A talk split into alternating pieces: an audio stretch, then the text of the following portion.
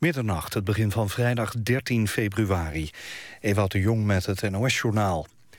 De leiders van de EU-landen en de Europese president Tusk zijn voorzichtig optimistisch over het verdrag dat vandaag in Minsk is getekend. Over onder meer een wapenstilstand in Oekraïne.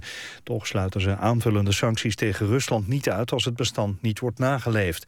De EU-leiders zijn bereid om strengere strafmaatregelen af te kondigen als het bestand niet houdt, zei Tusk tegen de pers in Brussel. Ook bondskanselier Merkel en president Hollande zeiden met nadruk dat de mogelijkheid van aanvullende sancties open blijft. Merkel zei dat de Europese Commissie is gevraagd om scherpere sancties voor te bereiden. Frankrijk heeft voor 5 miljard euro een wapendeal gesloten met Egypte. De Fransen leveren 24 Rafale gevechtsvliegtuigen, raketten en een fregat aan het bewind van president Sisi. President Sisi was vroeger legerleider. Het is de eerste buitenlandse klant voor de Franse straaljager. Vliegtuigbouwer Dassault zoekt al jaren buiten Frankrijk naar kopers voor het gevechttoestel. Frankrijk en Egypte hebben van oudsher nauwe economische banden. Maar na de val van president Mubarak en de onrust daarna werd Frankrijk terughoudender. Sinds de komst van president Sisi zijn de betrekkingen weer verbeterd. Jorrit Bergsma is op de WK-afstanden in Heerenveen... voor de tweede keer op rij wereldkampioen op de 10 kilometer geworden. De Olympisch kampioen reed een tijd van 12 minuten 54 seconden en 82 honderdste. Erik-Jan Kooijman werd tweede en de Duitser Patrick Becker derde. Op de 3000 meter bij de vrouwen kon Irene Wust de verwachtingen niet waarmaken. Ze had gehoopt op goud, maar moest Martina Sablikova voor laten gaan. De Tsjechische won in 4 minuten 2 seconden en 17 honderdste. Wust werd tweede en Marije Joling derde. Het weer, vanuit het zuiden steeds meer opklaringen. In het oosten kan nevel of mist ontstaan bij minima net onder nul. In het westen koelt het af tot zo'n 2 graden. Overdag een stevige zuidenwind en flink wat zon... maar in het westen toenemende bewolking en tegen de avond mogelijk regen. Het wordt dan 8 tot 10 graden.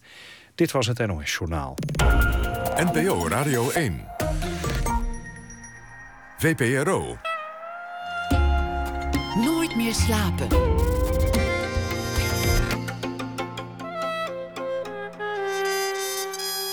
Met Pieter van der Wielen.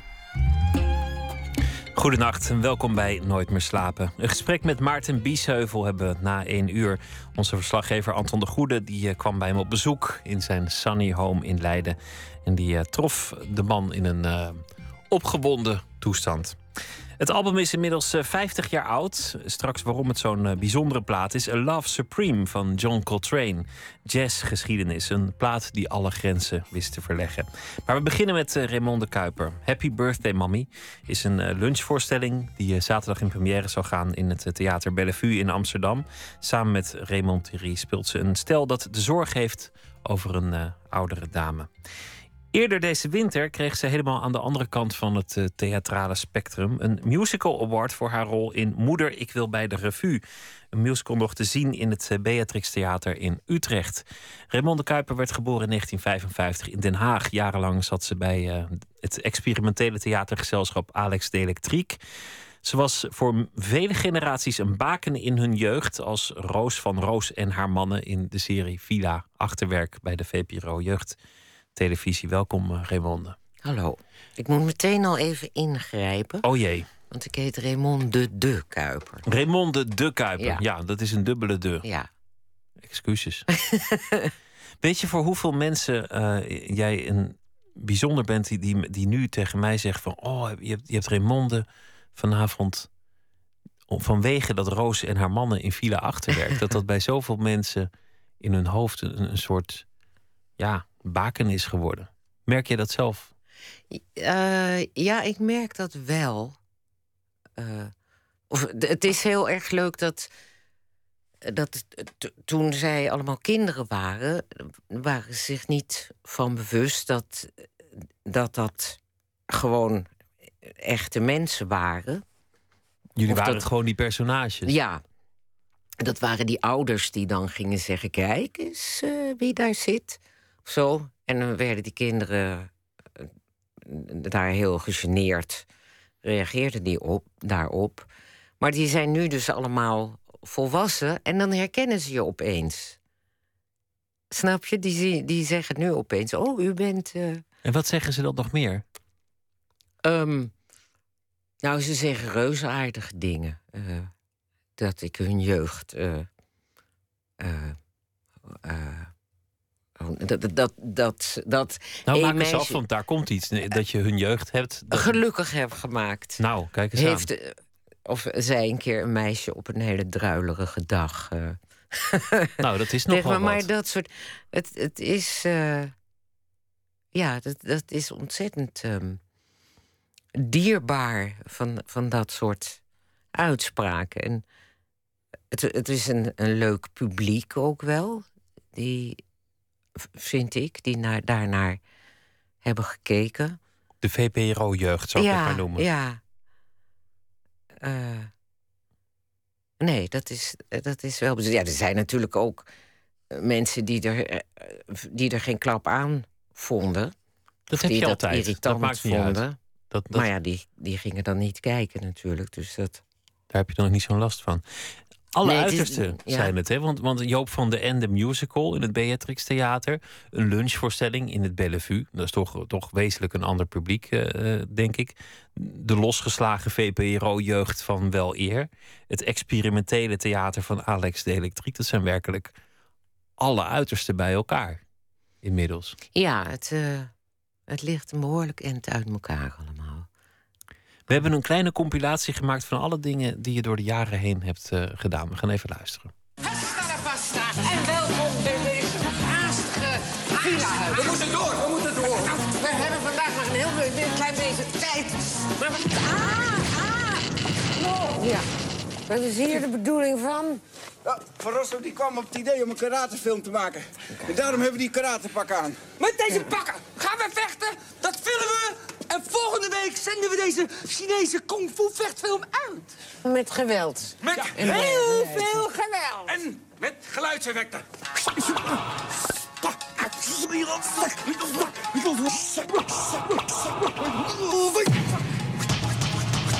Ja, ja. Het is allemaal voorbij. Je weet gewoon, dan komt dag en moet je afscheid nemen. Echt niet, eerlijk niet, ik heb het niet gedaan. Het is niet wat je ziet, het is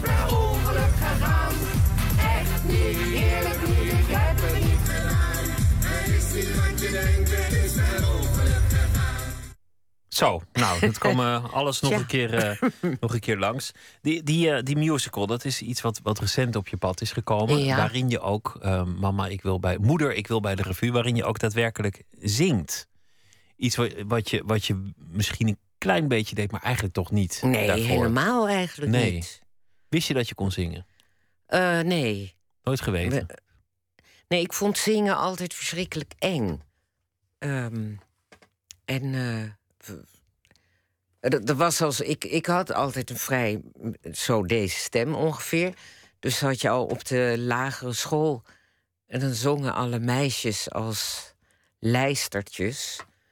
En daar, daar kon ik dan niet zo goed bij. Dus Een te lage stem leek al gauw een zanghandicap. Als, Ja. als iedereen in, in koor een liedje moest zingen. ja, dan kan je niet, dan weet je niet zo goed waar je dan je stem moet gaan bij zitten. moet, ja.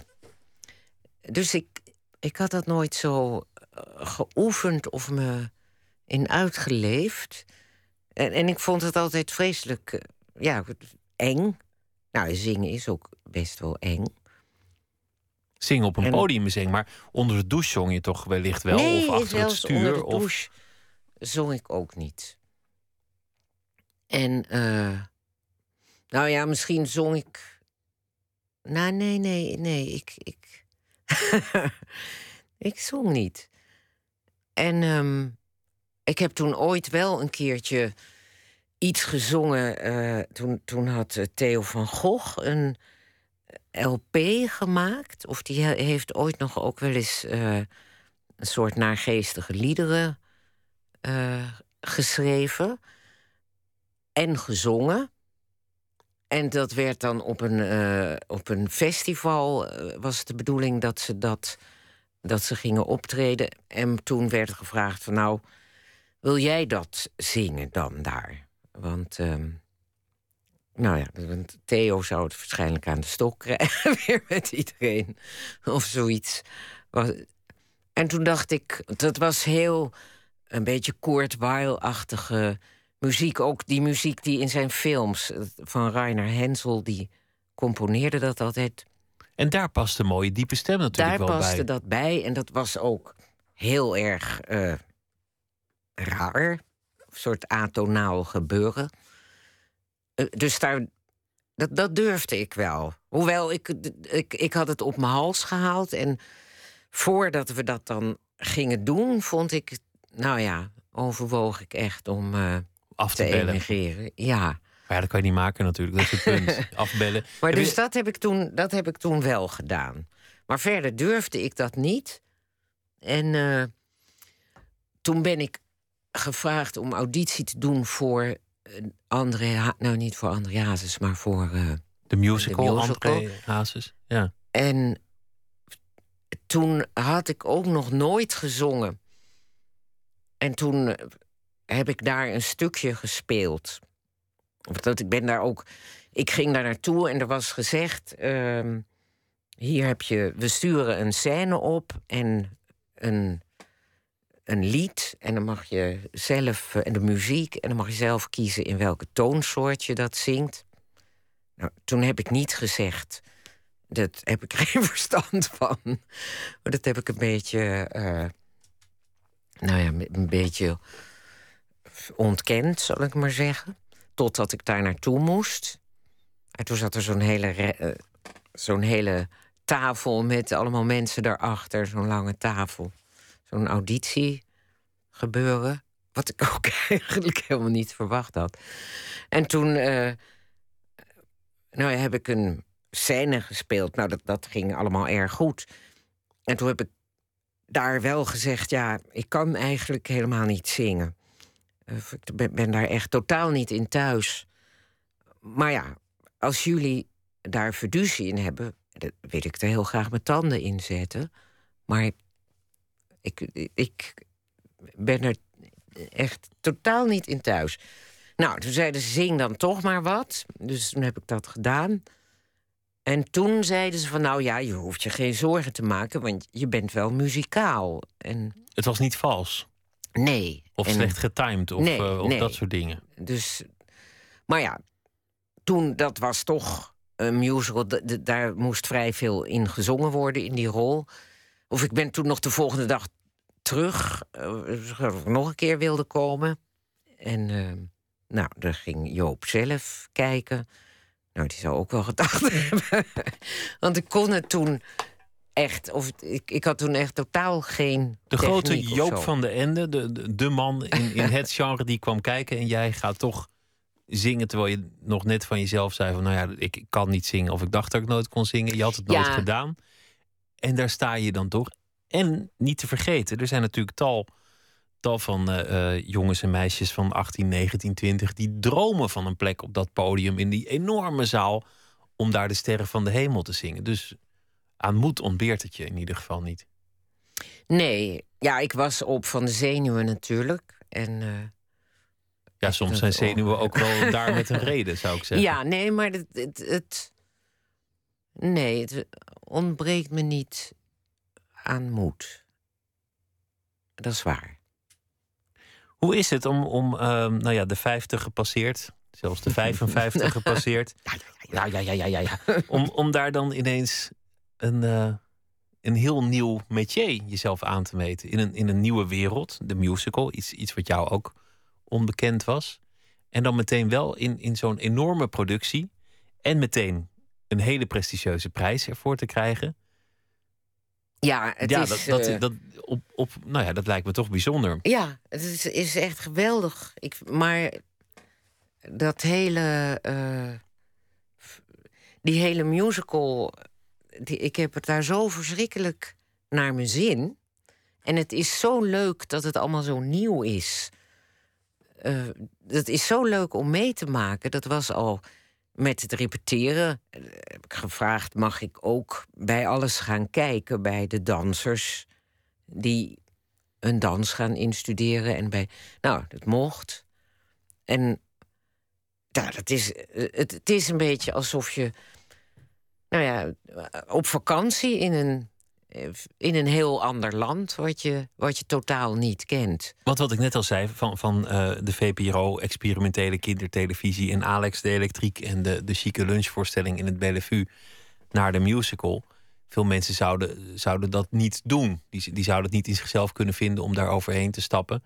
En ik denk dat heel veel eh, Alex de Elektriek publiek ook niet snel naar een musical toe zou gaan. Nee, terwijl ehm, die, eh, de mensen zelf eh, van Alex Elektriek, of die ik daarover gesproken heb, die begrijpen wel wat ik er leuk aan vind. Dat is wel grappig. Die, die staan er dan weer niet van te kijken. Je bent natuurlijk uiteindelijk ook met getalenteerde mensen een, een avond aan het maken en een voorstelling voor publiek. Ja, het is. de essentie eh, is in die zin gewoon ook volkomen hetzelfde. Ja, natuurlijk. en het vooral. eh, het heeft ook zo'n. eh, Ja, wel een beetje een vergelijkbare energie. Die musical en die Alex Elektriek voorstellingen. Dus ze zijn echt allebei van die hele energieke eh, theatergebeurtenissen die over iemand worden uitgestort. of daar. eh, Ja, ja ik, ik snap wat je bedoelt. De energie is, is hoog. Het is Ja, niet, eh, ja. Het is, het is niet eh, laid back of zoiets. Die, Want die- dat is ook het, het leuke, vind ik daar. Als je, want we, er zijn dan heel veel voorstellingen, dus je, je speelt echt veel, maar je komt binnen en het is zo'n ja, eh, machine, maar in, in de goede zin van het woord. De- de- je wordt zo eh, gedragen door wat er allemaal is aan dansers en muziek en, en zo'n groot gezelschap. En, nou ja, en er werken zo verschrikkelijk veel mensen. En, en dat maakt het je heel gemakkelijk om. eh, om mee te doen, om, om in je energie te komen. Maar wat doe jij normaal als je zenuwachtig bent? Joop van de Ende, de, de koning van de musical, streng kijkende man, zit daar met een panel van deskundigen. Eh, je moet gaan optreden in, in een van de grootste zalen van het land, in iets waar je niet in thuis bent. Maar misschien ook wel in, in meer voor jou alledaagse dingen. Een gewone theatervoorstelling. Dan zou je vast ook wel eens een beetje nerveus zijn. Wat doe je dan? ehm, nou ja, ik probeer me wel gewoon heel erg goed voor te bereiden. Dat helpt Kijk, altijd, dat toen- tegen ja. Dat toen met dat, dat zingen, wat ik eh, dus helemaal eigenlijk niet kon, dat, dat was, is wel uitzonderlijk. Ik bedoel, ik, ik ben niet zozeer iemand die zegt van ah, laat mij maar even. Dat kan ik best. Ik, ik, ik ga me wel heel erg goed voorbereiden. Maar heb je rituelen voor je een podium op moet, voor je een, een, een voorstelling begint? Ehm, nee, niet, niet echt. Ik heb. Ik. eh, ik denk altijd even aan mijn vader. Ja? Ja, Waarom? dus dat is een, eh, een ritueel. Of die, die haal ik even voor me. Maar denk je dan, wat zou hij nu gedaan hebben? Of, of denk je dat hij in, in de zaal zit? Of, of wat zou hij nu van me vinden? Nou ja, het is een beetje om hem erbij te. Eh, Ik, ik werd, het was, ik werd altijd wel rustig van hem. En hij heeft niet dat hele. Hij heeft het allemaal niet meegemaakt. Dat ik. Alex de Elektriek niet en eh Villa Achterwerk niet. Eh, Dat vind ik jammer. Eh, Dus dan. eh, Want hij was best vroeg dood en, en jij bent relatief laat begonnen.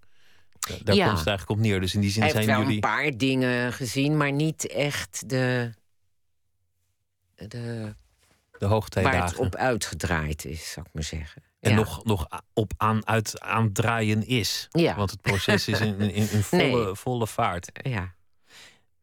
Betty Lafette is een, is een zanger. Die heeft, eh, zangeres, heeft al 50 jaar een carrière. En nou ja, neemt ook een steeds grotere vaart aan. En eh, inmiddels met eh, 69 jaar eh, heeft ze ook weer een album. En maakt nog steeds nummers. We gaan een liedje van haar draaien met de titel Step Away.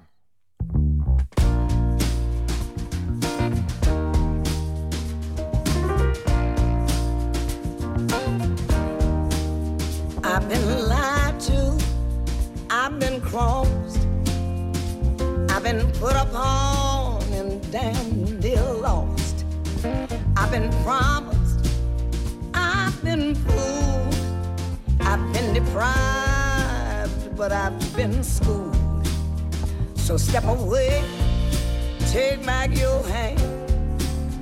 I'm the only body here who can shake this thing, shake it.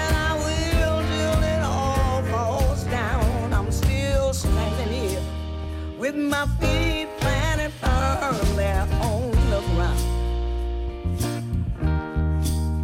I'm a mother. I was a child. I was confused. I was almost sanctified. I've been sanctioned.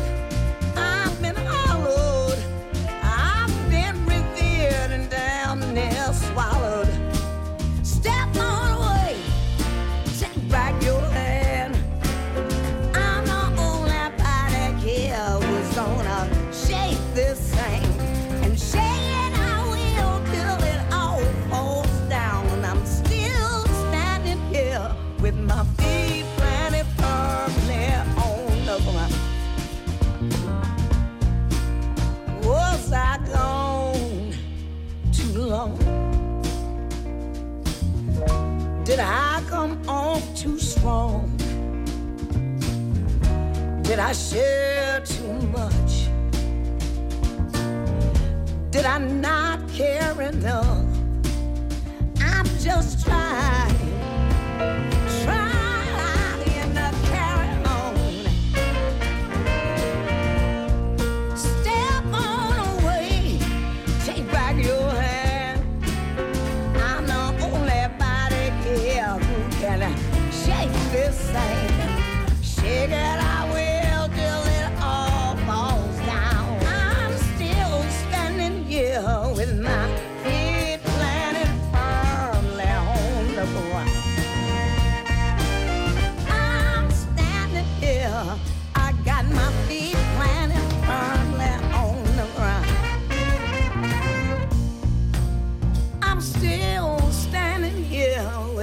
feet planted firmly on the ground.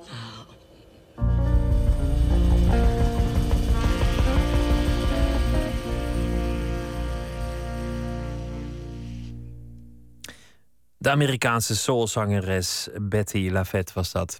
Nooit meer slapen in gesprek met uh, Raymonde de Kuiper. We hebben het uh, al gehad over haar musical, waar, uh, waarmee Cecilies moeder Ik wil bij de revue, waarin zij een van de rollen speelt en waarvoor ze de Musical Award kreeg, een van de Musical Awards.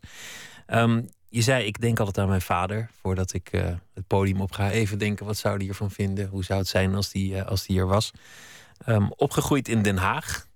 Ja. In wat voor omgeving? Eerst maar gewoon fysiek.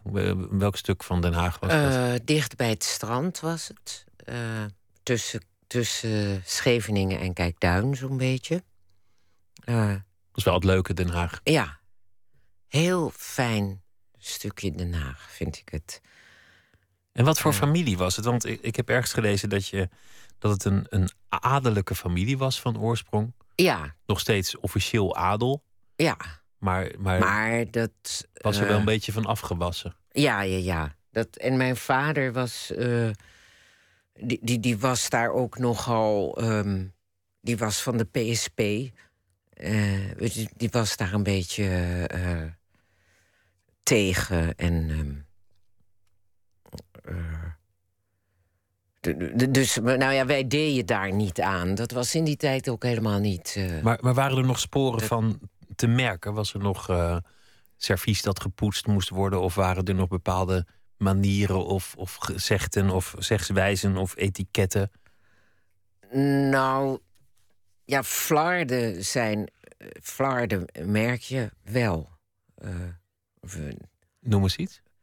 Um, nou, bijvoorbeeld in het huis van mijn oma... Uh, de, nou, de dingen die daar waren. De, antieke rimram. En, en dat is erg van. Um, nou, dingen met wijnen. En uh, ik moest.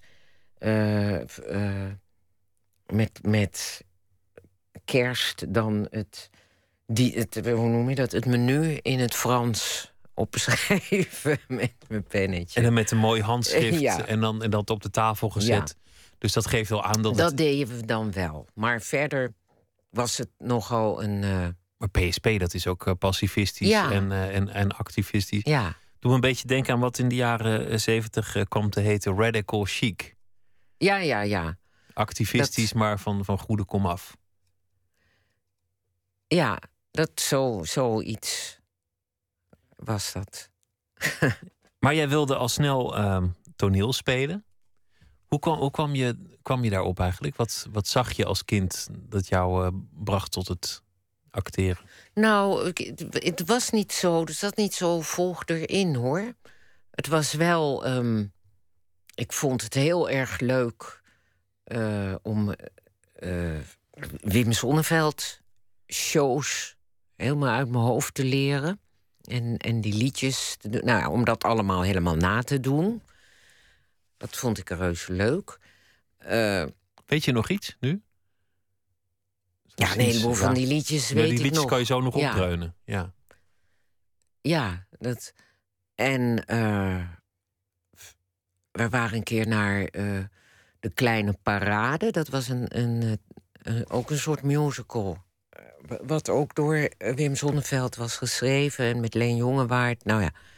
En dat was ook zoiets wat dan zo'n verpletterende indruk op je maakte. En zo waren er sommige van die.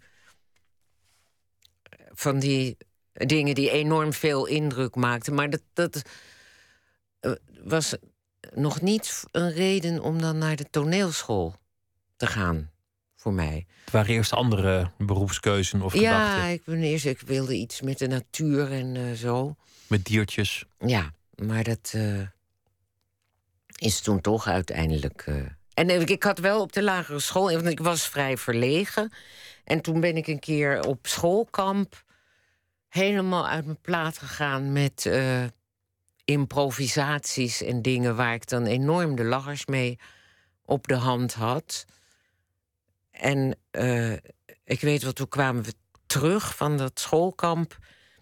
En toen was de leraar helemaal verbaasd Dat, Dat het verlegen ik- meisje ja, ineens een dat soort diva was geworden dat, op dat podium. allemaal had eh, staan te doen. En die vond mij dan wel geknipt voor het toneel. Maar dat heeft toch een tijdje geduurd. Maar het was dan ook een beetje een, een uitvlucht uit die verlegenheid. Misschien nog steeds wel. Ja, dat, dat is ook wel een beetje zo. Het is, het, is, het is ook wel een soort vrijplaats op de een of andere manier, zo'n toneel. Omdat je andermans gedaante aanneemt. Omdat je eigenlijk Nee, niet... nee, nee, daar heeft het niet eens iets mee te maken. Maar het geeft toch ja, een, heel vrij gevoel dat je daar uit kan praten, zal ik maar zeggen. En Je mag die ruimte nemen, want Ja. mensen zijn voor jou gekomen. Het is dat podium, jij hoort daar te staan. En, en dus is het ook helemaal niet raar als je daar dan voluit gaat. Terwijl Ja. het in gezelschap misschien ook niet is hoe het je is aangeleerd. Ja, tussen die nee, etiketten. Want je, je, je moest ook jezelf een beetje in die toch nog wat chique familie ge- gedijst houden. ja, ik, dat is me wel inderdaad geleerd om, eh, om niet. eh, nou ja, om, om, nou ja, weet ik veel, een soort bescheidenheid. Maar Niet de ruimte te nemen, geen golven maken. ja, Gedraag je. Dat, dat, dat is een van de verplichtingen die erbij hoort. ja. Je Terwijl ik ook ja. weer niet, ik ben niet, niet benauwderig ben opgevoed hoor, dat helemaal niet. Maar, maar ik was wel een, een soort ment verlegen en ehm, Op dat podium voel je je als een vis in het water. Eigenlijk, eigenlijk altijd, in, in al die genres. Op dat podium dan... Ja, het lijkt wel alsof ondanks onder het moment dat je aan je vader denkt... en misschien dat je, dat je even slikt voor je het podium op gaat... dat er van alles van je afvalt en dat je daar staat en denkt... hier ben ik vrij. ja, het ziet er ook wel eh, misschien ontspannender uit dan het is. Dan het is. Ja, dat is ook je werk om het er ontspannen uit te laten zien. Ja. Maar toch, eh, Maar wat ik zei, het, het, het heeft wel heel erg veel met, met die voorbereiding. Het is niet dat je denkt, ach, eh, We doen het eventjes. ja. Je ging eh, eh, toneel doen. Toen heeft het eigenlijk ook nog relatief lang geduurd voordat je daadwerkelijk, eh, nou ja, de weg op ging, eh, de, de- het podium op ging, Ja. tot, tot je echt heel veel ging spelen. Ja, Toen, toen was je de dertig al gepasseerd. ja, ja zo'n beetje. Ik heb wel daarvoor wat eh, aan lopen rommelen. Of niet dat dat... dat niet dat dat allemaal eh, niks was of zo, maar... Ja, het was een ik heb een hele tijd lopen, me lopen afvragen wat ik, eh, welke kant ik nou op moest. Of wat, wat nou echt iets voor mij was. Ik vind het mooi hoe je dat zegt. Lopen af te vragen. Want dan, dan zie ik dat ook, ook voor me dat je, dat je, dat je slentert en, en je dat loopt af te vragen. Hoe, eh, hoe, hoe zag dat er fysiek uit, dat, dat afvragen? Wat deed je dan in de tussentijd? Ehm, ja, wat deed ik? Nou ja, ik, ik had wel allemaal baantjes en dingen. Eh, nou, dat is. Nee, begrijp. Is een hele gekke Eh, vraag ja. eigenlijk. Maar, maar nou ja, je speelde niet. Je had de toneelschool. Je, je zei, ik liep me af te vragen wat ik moest. Dat was eigenlijk een beetje een, een, een- een periode van stilstand Ja. als je erop terugkijkt. Maar je, je deed vast van alles. Nou ja, ik ging wel bijvoorbeeld. eh, oh ja, ik, ik werkte bijvoorbeeld eh, in, een toon, in een winkeltje in eh, theater, the- theaterboekwinkel. Dus, Dus toch, toch iets met theater. Ja, maar dat, dat was voor mij eigenlijk een soort mislukt experiment. Want ik dacht, ik ga dan. Dat, dat winkeltje dat, dat was in Rotterdam. Ik kwam uit Den Haag. Ik, ik dacht, ik wil weg naar een andere stad. eh, Of een beweging maken. Dus toen heb ik gevraagd of ik. Dat was van Jan Ritsema, dat winkeltje. Of ik daar eh, kon gaan werken. Toen moest ik nog een, een of ander diploma halen. Omdat die boekhandel, dat is zo'n beschermde branche. Dus moest, want ik werd filiaalhouder dan daar. Dus was je officieel boek, boekverkoper. Ja. En eh, toen dacht ik, dan ga ik al die boeken lezen. Maar ik zat daar verschrikkelijk eenzaam in mijn eentje in een winkeltje. Ik kende helemaal niemand in die stad. Dus ja, dat was een beetje. te- dat was wel een soort te veel hooi op mijn vork eigenlijk. Zoals je het nu vertelt, is het vreselijk. Zit je Ja, in zo'n ja, ja. theater, want je wil zelf acteur worden, maar je zit dan in een theaterboekenwinkel met, met boeken over andermans grote. Ja, nee, maar dat was nog niet het ergste, maar het was gewoon een hele En dat de hele eenzame dag. toestand. En zoiets in mijn eentje, dat is helemaal niks voor mij. Als er verder geen haan naar kraait. Of je één boek hebt verkocht of, eh, of honderd. Dat, dat was helemaal niks voor En, mij. en wie, of wie of wat heeft jou van de theaterboeken gered? Nou, dat ging eh, gelukkig. eh, nou, failliet, niet failliet, maar dat winkeltje liep voor geen meter. Dus het werd opgeheven. En dat was een opluchting.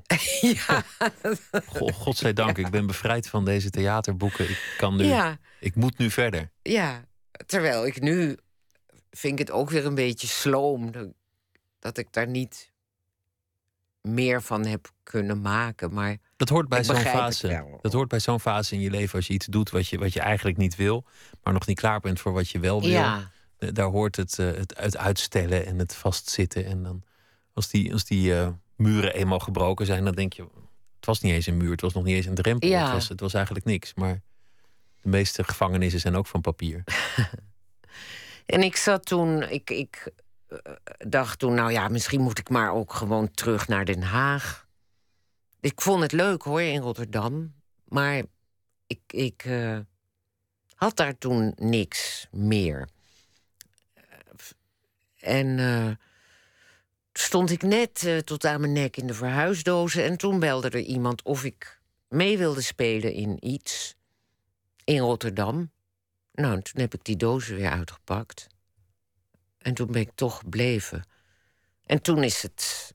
Gaan lopen. Ja, En hoe? Eh, Alex de Elektriek. Heel veel andere eh, dingen. Ook, ook was meegedaan met Jiske Vet, had ik nog helemaal niet genoemd. Eh, ro- rollen in, in, in televisieproducties, in, in best serieuze, echte grote theaterproducties, kleine theaterproducties met Wim T. Schippers, die, die VPRO-televisie, allemaal gedaan.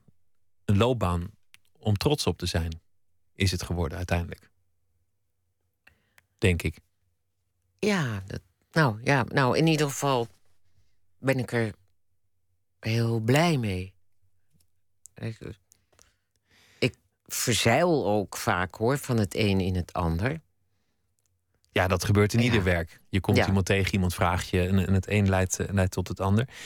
Heel veel heb je samen gedaan met eh Raymond Thierry, tot voor kort ook je geliefde en partner. Ja, Ook deze lunchvoorstelling doen jullie samen. ja. Hoe, hoeveel jaar werken jullie inmiddels samen? Oh jee, eh, of 25 of zo. Zoveel. Iets dergelijks. En, en We hebben ook een tijd niet samengewerkt. ook hoor. heel veel dingen los van elkaar gedaan. Ja. Maar op de een of andere manier is het een samenwerking die maar blijft terugkeren. Ja, Is er een soort magie die in dat werk kennelijk jullie tot elkaar veroordeelt bijna? Ehm, nou, je. Ik denk dat het, je kent elkaar ontzettend goed. Je kent elkaars taal heel erg goed. Eh, ja, ik heb altijd enorm veel. eh, of we hebben heel veel aan elkaars mening. Jullie kunnen elkaar ook jullie mening vertellen. Ja, Dat, is natuurlijk ook, dat helpt ook wel mee, denk ik. Ja. Dus ja, dat. Dat is het. Die laatste voorstelling, eh, zaterdag gaat hij in, in première. Ja. Ehm, Happy Birthday, Mommy. Dat gaat over het, het verzorgen van een, van een vrouw. Het is gewoon een tekst die door iemand anders is geschreven, maar jullie verzorgen wel degelijk samen jouw moeder. Dat, dat klopt toch? Ja. Nou, kijk, eh, die voorstelling. ehm, is, gaan twee. Een echtpaar zoeken de moeder van de vrouw op. Die in een inrichting zit. En die vrouw is er dan niet. Nou ja, en dan. eh, is de rest een verrassing. Maar en. Dus het is niet dat die mensen dagelijks die vrouw verzorgen. Die, die komen die vrouw opzoeken. In Dus de voorstelling. In die zin wel anders dan, dan de werkelijkheid. Nou, en wij, wij zorgen. Mijn moeder zit in een verzorgingshuis. En, maar wij zorgen ook samen voor haar. Maar het is dus niet dat wij eh, dag en nacht met mijn moeder lopen te slepen of zoiets. nee, jullie komen maar- gewoon langs eigenlijk Ja, en, jullie, ja. en jullie helpen. En als er iets ja. is, dan zijn wij de aansp. Ik ben enig kind. Eh, en verder, eh, nou, een nicht nog met twee kinderen. Maar dus het is een piepkleine familie. En eh, dus zodoende. Dan, dan is het toch al met al een bedoel om maar aan te geven hoe hecht het is geworden. Jullie zijn heel lang samen geweest. Heel veel samengewerkt als, als werkpartners. Samen geweest als geliefden. Eh, sinds een tijdje niet meer bij elkaar. Wel dagelijks samen op de planken. En ook nog samen voor die moeder eh, Ja. eh, zorgen. En voor een hondje. En voor een hondje. ik, ik zou erachteraan zeggen, wat een ravage eigenlijk. Ja. Waarom? Nou ja, al die, al die verhoudingen die je tot elkaar hebt en deelt. En dat allemaal in één zo'n stuk. En dan ook nog samen spelen. Terwijl je, nou ja, minnaars, exen, vrienden, oud-collega's, collega's, hondenverzorgers, allemaal tegelijk bent. Ja, ja. Ja, ik heb. Ik, ja, ik vind het zelf niet een ravage. Het is voor jou Of ik kan natuurlijk nog geworden. overzien. Ja. Ja, Is, er- is dat ja ik kan me ja, voorstellen dat, dat Nou ja. andere mensen dat. Wat andere mensen vinden maakt niet zoveel uit. Maar ik, ik, ik vraag me af hoe dat. Is, is dat eigenlijk hoe het altijd is geweest? Dat jullie eh, werk mee naar huis ging en jullie huis mee naar het werk? Ehm, ja, dat is wel. dat is wel een tijd zo geweest. Eh, een hele tijd. Er was met Alex Elektriek. Daar werkte je zo verschrikkelijk hard. Nou, dat was met het hele groepje zo'n beetje. Je ging even slapen en daarna Door. ja. Dat, nou, ja, maar het was ook echt zo'n zo'n jonge groep. En we bouwden zelf die decors op. En, en we braken het zelf af. En, en, eh, dus je was echt van, van s morgens vroeg tot s avonds laat bezig daarmee. En we ja, da- da- da- da- daar was het zo dat je het inderdaad mee naar huis nam. En villa achterwerk was natuurlijk ook behoorlijk intensief. Ja, want dat werd ook nog altijd op, op, op de meest verschrikkelijk afgelegen locaties opgenomen. Want we moesten altijd mooie, dat, dat was heel erg VPRO. Een, een, een- ik weet nog een lege fabriek, daar kunnen we lekker draaien. Oh. En iemand die zich afvroeg of het daar dan wel lekker warm was in januari. Ja, nee, dat was eh, inderdaad. eh, waren barre toestanden. Maar. eh, Dat was ook wel gewoon de sfeer. Dat ja, maakte het ja, ook ja. wel leuk. En het was ook heel fijn om verder nergens mee te maken te hebben. Dat, dat het zo'n. eh, zo'n groep is daar die. die verder niet in medialand of zo verkeert. Dat, In die zin heb je eigenlijk nooit echt een baan gehad. Was het altijd gewoon een verlengde van, van je leven. Je, je collega's waren je vrienden, kwamen thuis. Thuis werd ook nog wat geoefend. eh, Ja, maar dat gebeurt al gauw, denk ik, met toneel. En niet met alles, net als met die musical, is dat weer helemaal niet zo. En ik heb ook wel bij veel gezelschappen gezeten. Of niet, niet zo bij. Maar je, je hebt bij die kleine groepjes vaak dat je. Of als je dingen zelf eh, maakt of schrijft, of eh, dan ja, dan breng je toch meer tijd met elkaar door. Dan zit je eerder tot s'avonds laat eh, te piekeren hoe het nou allemaal verder moet. dat is ook wel heel erg leuk. Het klinkt Ja, ook, ja, zoals je het nu vertelt, als een, als een hele leuke tijd. Ja, ja, absoluut. Maar als het, als het dan uitgaat, als de, de, de geliefde op, op een zeker ogenblik besluit van, nou ja, we gaan eh, verder in een andere hoedanigheid, of, eh, of nou ja, hoe, hoe, hoe die dingen ook gaan, iedereen vult het maar in. Dan lijkt het me ineens heel moeilijk om samen te werken. Ja, maar we hebben ook een tijdje niet samen. We hebben ook Er best tussen. lang niet samengewerkt, ja. En nu kan het? Nu lukt het? Jullie Ja. hebben drie try-outs gehad. Dan, dan, eh, dan is het Ja. gewoon wel weer als, als van ouds. In die Ja. zin. ja. En we hebben een behoorlijk lange tijd niet samengewerkt. Dat is dan ook maar verstandiger, toch? Ja. Uiteindelijk. Laten we gaan luisteren naar ehm, een Ierse singer-songwriter. Want dit is zo'n eh, mooi moment voor Ierse singer-songwriters, denk ik zo. Damien Rice met het eh, nummer I Don't Wanna Change You.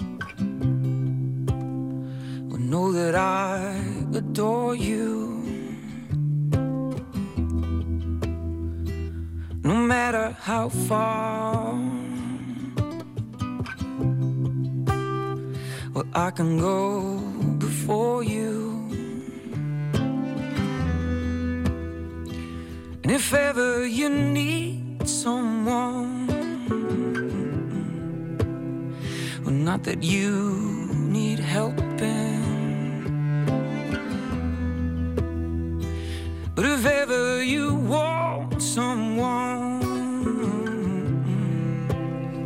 know that I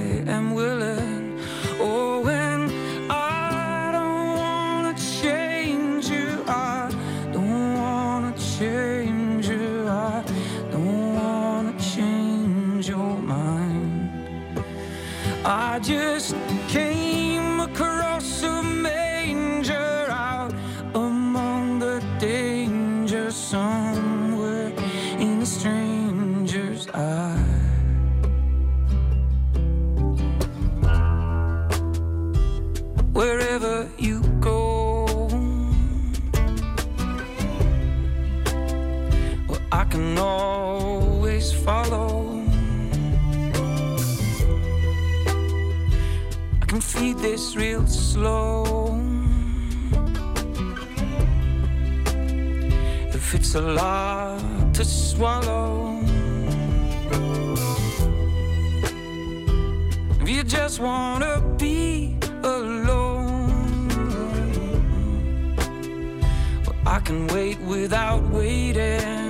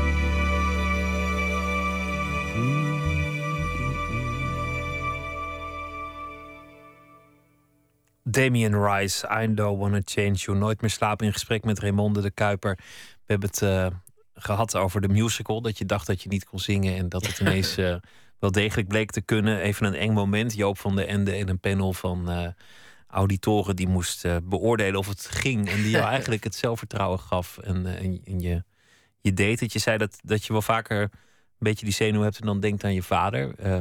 En, hoe die het gevonden zijn. Want die heeft je succes niet meegemaakt. Eigenlijk niet kunnen zeggen van goh, wat doe je dat goed? Of ik ben trots of, of dat soort dingen. En we hebben het ook gehad over eh, nou ja, opgroeien in een voormalig adellijk gezin. Het was nog steeds adellijk, maar weinig van te merken. Behalve dat er toch nog wat etiketten was. En ze waren inmiddels PSP. eh, dus dus eh, ehm, wel veranderd. Maar bepaalde dingen golden nog. Het opschrijven van het menu met, met kerst eh, handgeschreven. En in het Frans, als het even kon.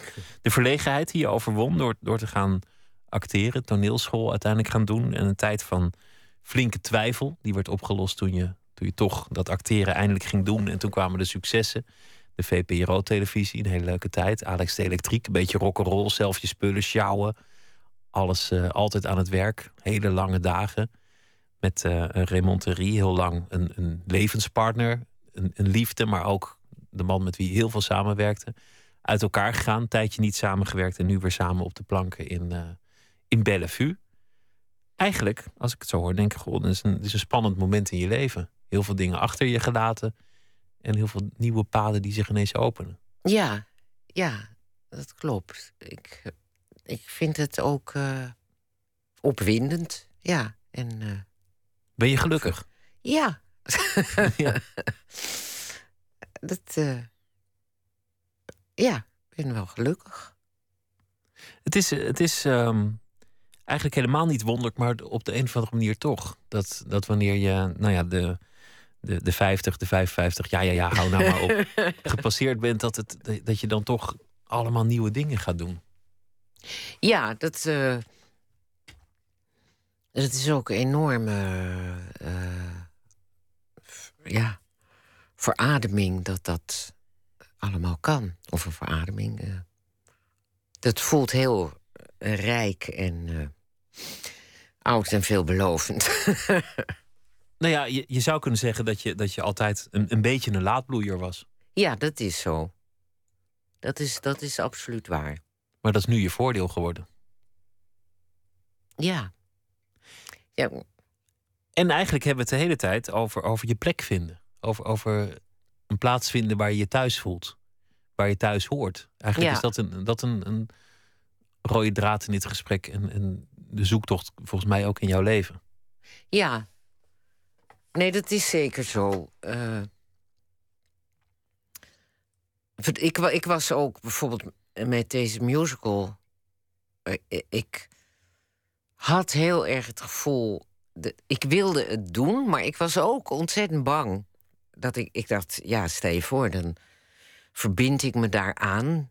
Eh stel dat ik me er helemaal niet in thuis voel. Dan is het verschrikkelijk. Moet ik daar iedere dag. Want het zijn ook vrij langlopende producties. Ja, het is lang en veel. Veel en, en vergt veel van je energie. En, en met heel veel mensen. En wat, wat als, je, als je daar.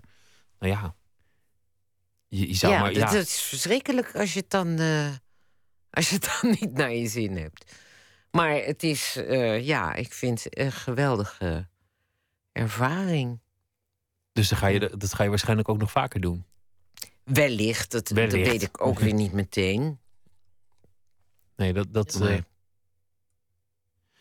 hoe, hoe, ehm, ja, hoe komt het eigenlijk dat, dat, dat het zo'n zo'n thema is, het, eh, het je plek vinden? Sommige mensen die, die, die hebben dat volgens mij meteen. Al in hun tienerjaren, die weten het en dan, en dan komt het en dan gaat het. Heb heb je dat zelf eigenlijk altijd gevoeld dat het een, een worsteling voor je was? Eh, nee, dat niet. Nee. Ik. Nou, ik kan vrij veel kanten op. Of. ehm, ik, er is niet zo meteen dat ik denk: oh, dit wil ik wel en ehm, dat wil ik niet. Dan, dan denk ik: van dit wil ik wel en wat is daar? Eh, Je staat overal ook wel voor open. Ja, je, je neemt alles wel in overweging. ja. Zo'n mooie gewoonte, vind ik. Ja, dat. eh, ja, dus daardoor. ehm,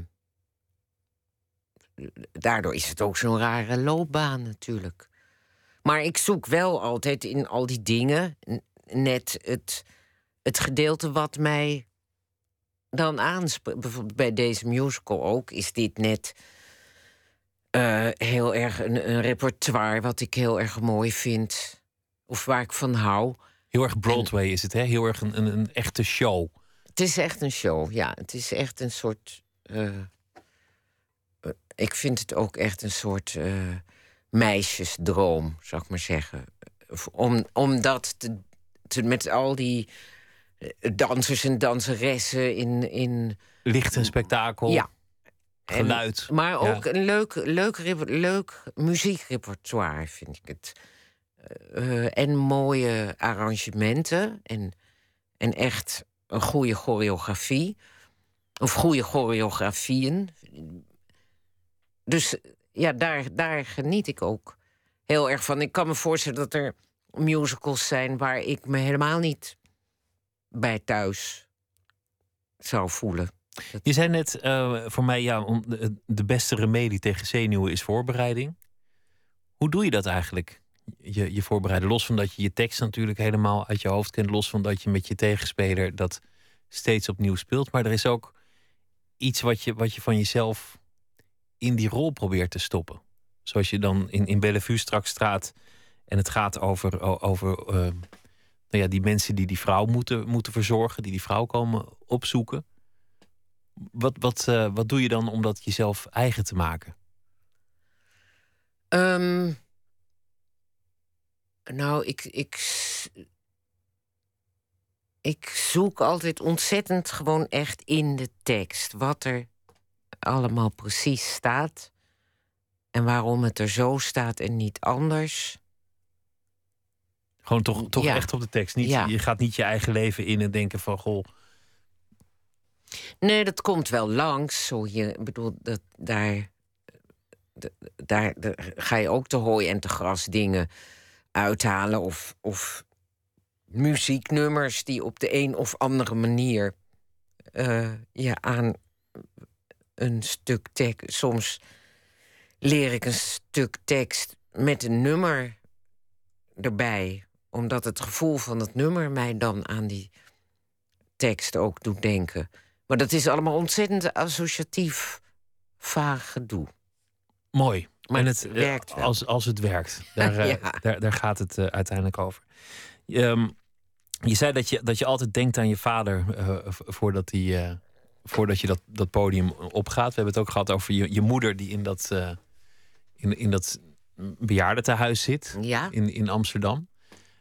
Het leuke is dat jij eigenlijk ja, in, in een soort buitengewoon jeugdige fase officieel dan, dan de oudere leeftijd opkomt. Dat, dat je korting krijgt voor dingen en dat soort dingen. Maar, maar dat je eigenlijk meer twintiger bent dan je was toen je twintiger was. Ehm, nou, ik denk dat ik toen ik twintiger was. ook wel twintiger was. Maar niet. eh, nou, dat klonk wat zwaarder wat je daarover ja, vertelde. dat is, dat is zeker. Dat klonk waar, wat ja. beladener. Van, nou ja, ik wist het niet en ik, en ik liep rond en ik twijfelde zo. Nee, dat is absoluut waar. En ik, ik maakte het mezelf veel moeilijker toen. Dat, met, met van alles en nog wat. Dus je bent nu bevrijd van, van iets, van jezelf, Eh, ja, nou ja, voor mezelf. Maar van je getop. ja, Ja, dat, dat ben je toch ook zelf. Ja, Ja. Het, eh, het getop. Ehm, de lunchvoorstelling in eh, Bellevue. Happy birthday, mommy. Vanaf zaterdag. En dan een hele maand, elke dag om half één 's middags. maar niet op zondag en maandag. Niet op zondag en maandag, maar eh, dat is dus eh, vijf keer in de week. Ja. En duurt een uur, dus vandaar ook dat het een, een lunchvoorstelling heet. En eh, Moeder, ik wil bij de revue is volgens mij ook nog een flinke periode te zien. Ja, in het, dat is ook Enig idee hoe lang nog? voorlopig de rest van mijn leven. Nou ja, nee, in ieder geval tot, de zo- tot in de zomer. Nou, een, een En hele drukke tijd voor de boeg al met al. En daarna misschien ook nog ehm, toeren. Want dat gebeurt vaak ook met zo'n lunchvoorstelling. Ja. Dat hij daarna weer naar de theaters in, Ja. in de rest van het land eh, wordt, eh, wordt verscheept. ja, dat gaat ook nog gebeuren. Raymonde de Kuiper, dank dat je te gast wilde zijn. En heel veel plezier met alle projecten en alles wat je gaat doen. Dankjewel. Ik, en bedankt dat ik te gast mocht zijn. Zometeen eh, gaat eh, Carolina Trujillo een verhaal voorlezen dat ze vandaag voor ons geschreven heeft. Die schrijft deze week elke dag een eh, verhaal voor ons over de afgelopen dag. En we gaan ook op zoek bij JMA Biesheuvel. Anton de Goede heeft dat gedaan. In zijn Sunny Home in Leiden trof hij de schrijver. We gaan het ook hebben over een schandaaltje rond het bewaren van kunstfilms. Want heeft het Boymans die films nou nog wel of niet meer in het depot liggen? John Coltrane komt langs over eh, Love Supreme, een legendarische jazzplaat die 50 jaar oud is. En Menno Wigman die eh, draagt een gedicht voor. Dat allemaal zometeen. Twitter, VPRO NMS of via de mail nooitmeerslapen.vpro.nl.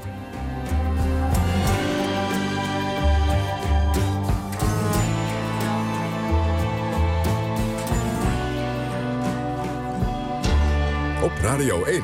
Het nieuws van alle kanten.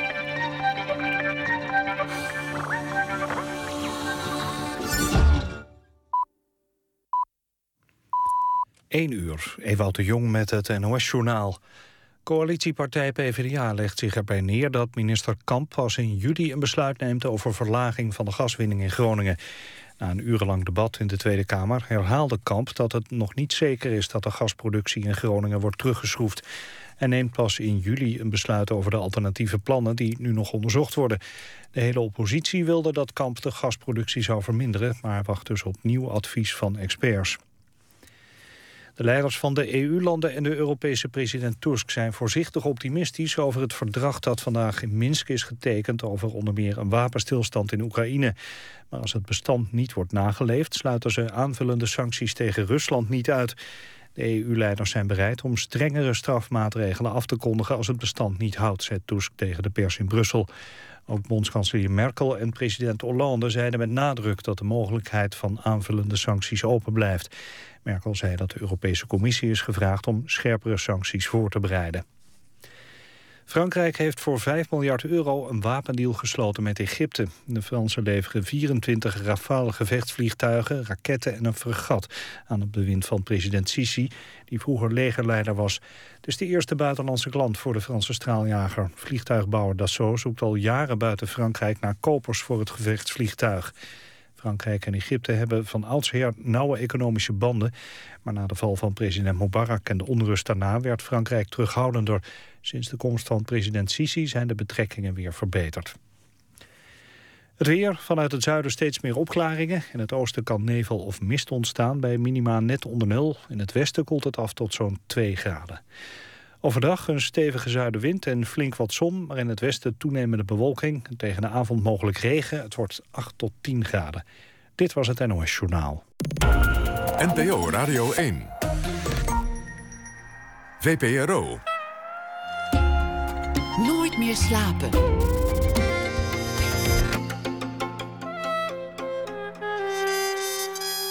Met Pieter van der Wielen.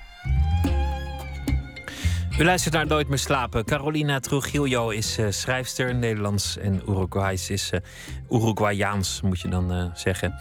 En zij schrijft deze week elke dag een verhaal voor ons over de afgelopen dag. En dat zal zij voordragen. Carolina, goeienacht. Goeienacht. Ik moest nog even nadenken over wat je gisteren, wat je gisteren allemaal vertelde. En waar, waar we het gisteren over hadden. Over optimisme versus pessimisme. En, en of je somber moet zijn over het land en de dijken. En, en ook over het eh, declaratiegedrag van, uh, van dat VVD-Kamerlid die het dure wijn had gehad. Want jij was verontwaardigd daarover gisteren. Dat, uh... nou ja, ik was een beetje verontwaardigd over hoe gemakkelijk zo'n politicus dan met zijn eigen fouten omgaat. En hoe zwaar gewone burgers op dezelfde soort fouten worden afgerekend. Ja, want als, als de, de gepensioneerde met zijn AOW'tje iets niet aangeeft, dan, dan moet hij boete betalen. En hij declareert iets ten onrechte en krijgt dan geen boete. Wat, wat ik ook wat ik bedacht was eigenlijk dat het verweer was van ja, het was hele dure wijn, maar ik, ik heb geen verstand van wijn, dus ik proef het verschil toch niet. Dus wist ik veel dat het van die dure wijn was, dus ik declareer het maar. Dat verontwaardigde me nog veel meer. Dat als je het verschil niet weet, dat je dan toch die dure wijn drinkt. Dat je het dan toch niet proeft, neem dan gewoon die, die, die huisbocht. Ja, precies. Maar goed, dat was gisteren. Ja, dat was gisteren. Wat is het vandaag? Um, vandaag um, um, was ik uh, verbaasd door die oranje wolk die in Spanje in de lucht kwam te hangen. Heb je daar iets van meegekregen? Ja, ik hoorde iets dat er een, nou ja, precies wat je nu zegt, dat er een oranje wolk in de lucht was komen te hangen. Ja, een beetje alsof Nederland had gewonnen, leek het daar. Maar inderdaad, een enorme wolk. En als je de beelden ziet, ja, het ziet er surrealistisch uit. Dat vond ik eigenlijk wel mooi. En um, het was ook de dag dat het uh, vredesverdrag van Minsk werd gesloten. Dus ik heb um, geprobeerd uh, iets te doen met, met het op akkoordjes gooien en, en gif. En ik heb geprobeerd een, een soort apocalyptische fabel te maken. Het is niet helemaal mijn genre. Ik ga het ook niet weer doen. maar ja, dat is wat ik vandaag gedaan heb.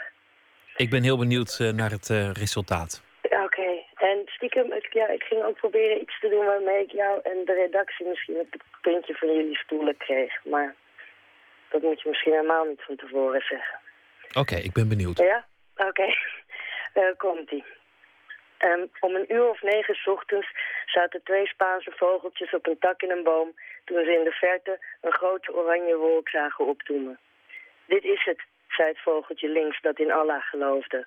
Verdomd, zei het vogeltje rechts, die christen was, maar niet al te beleidend. Het einde der tijden, zei de een. Het laatste uur, zei de ander. Ze keken naar de wolk die groter werd en nog feller oranje, alsof die in brand stond.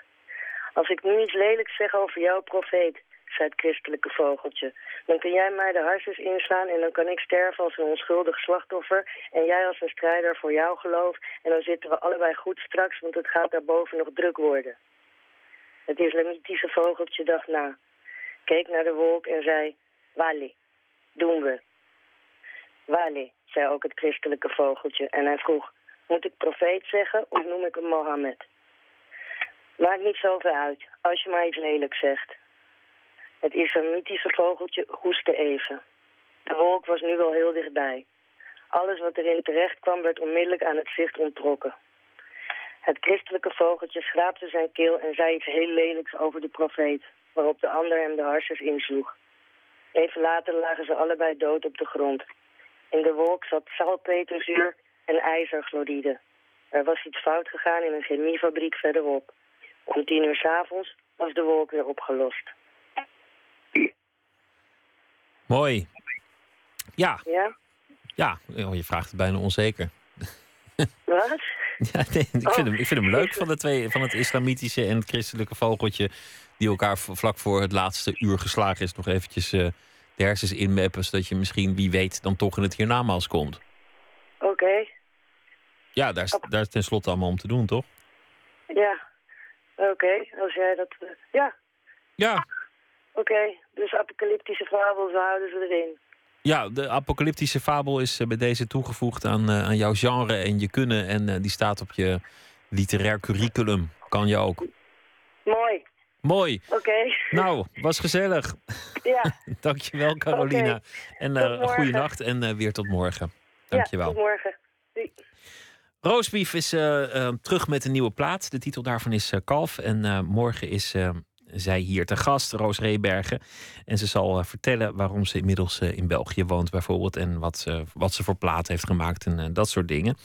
We gaan alvast iets draaien. We hebben alles.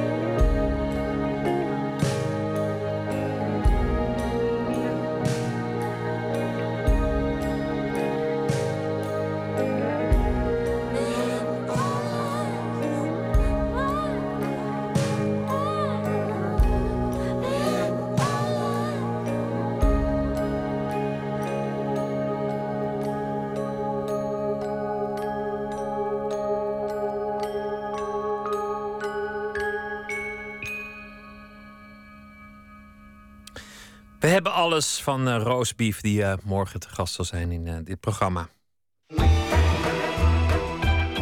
Nooit meer slapen.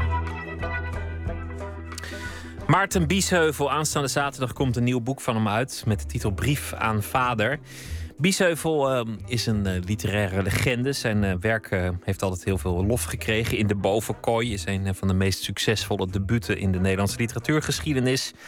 En ehm, hij woont al een aantal jaren, nou eigenlijk een hele poos, in Leiden. In een houten huis, een beetje afgelegen met de naam Sunny Home. Hij is getrouwd met Eva Gutlich. En ehm, zijn productie is de laatste jaren toch een beetje teruggelopen. En dat heeft ook te maken met zijn manische depressiviteit en andere geestelijke zorgen. Onze verslaggever Anton de Goede die, ging op bezoek en werd ontvangen door de inmiddels 75-jarige schrijver. En trof hem in een geestelijk zware periode.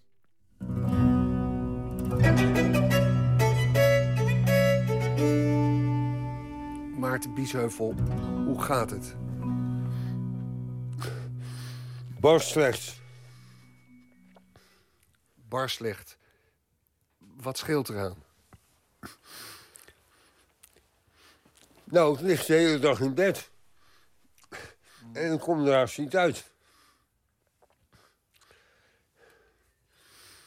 Maar zal ik eerst eens een mopje vertellen? Ga je gang.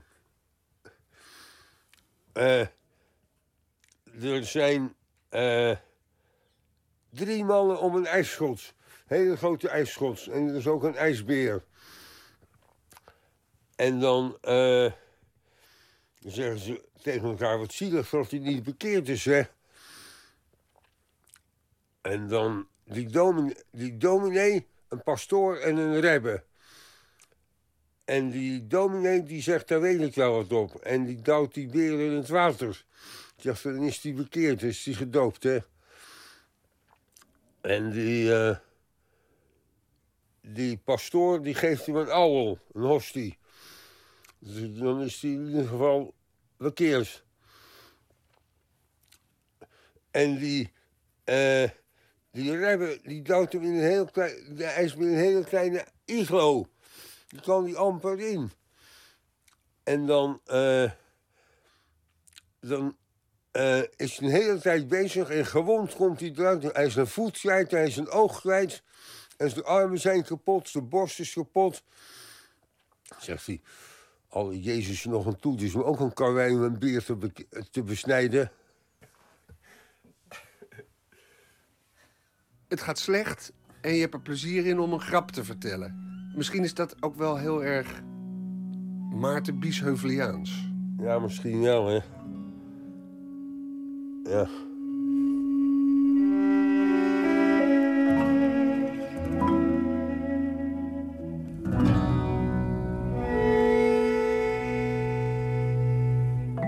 Ik ben hier eigenlijk vanwege twee aanleidingen. Er komt een prijs, de Biesheuvelprijs, voor het beste korte verhalenbundel. En er komt een prachtige uitgave bij Van Oorschot met een bloemlezing... Ja. die je zelf gemaakt hebt en met nieuw werk. Ja. In die uitgave staat in facsimile, in handschrift... een klein versje. Zou je dat willen lezen? Ja hoor. De boekwijd, havermout, de koornstreek staan in volle bloei. De paarden hebben dolle pret. En ik, Cogito ergo sum en Eva liggen heerlijk in ons warme bed. Wat een eigenaardig motto. Kan je het toelichten? Nee, want het is zo raar.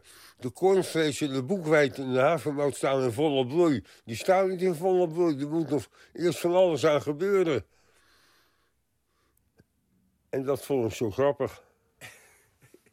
Ja, en wat als je nou het werk kijkt van jou... en als je nou ook over hoe je dit gesprek begint... met de mededeling dat het slecht gaat...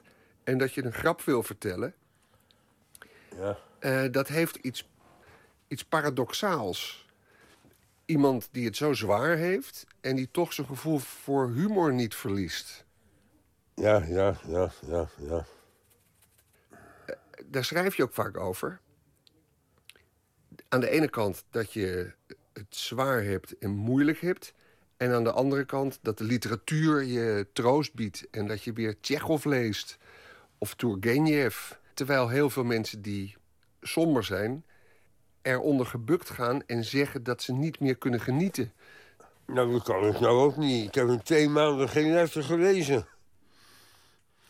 Ik heb hier het prachtige boek van Karel van Treven. Geschiedenis van de Russische literatuur. Het is een prachtig boek. Ik lees er soms een paar regels in, maar kan het niet lezen. Nee, dus dat is geblokkeerd op het moment dat de depressie er is. Ja, ja. En dan is het alleen maar een kwestie van afwachten totdat het weer terugkomt. Ja, ja. Ja, ja. ja. Zijn er dan dingen van buiten die je kunnen helpen daarbij? Eh, of is het alleen maar een kwestie van tijd? Nou, Eva, Eva.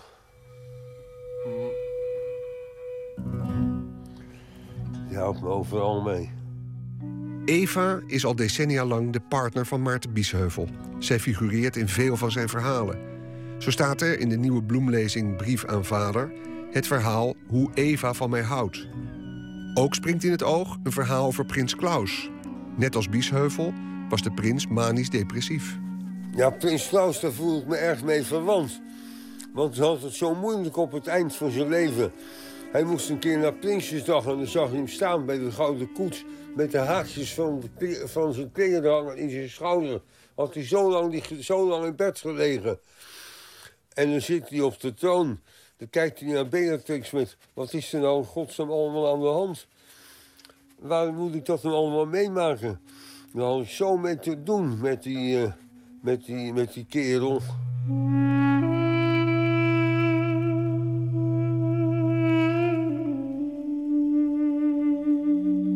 Je bent eigenlijk nooit levensmoe geworden door die... Door die... Nou, ik heb vaak genoeg zelfmoord willen plegen, hoor. Wat weerhield je daar dan van?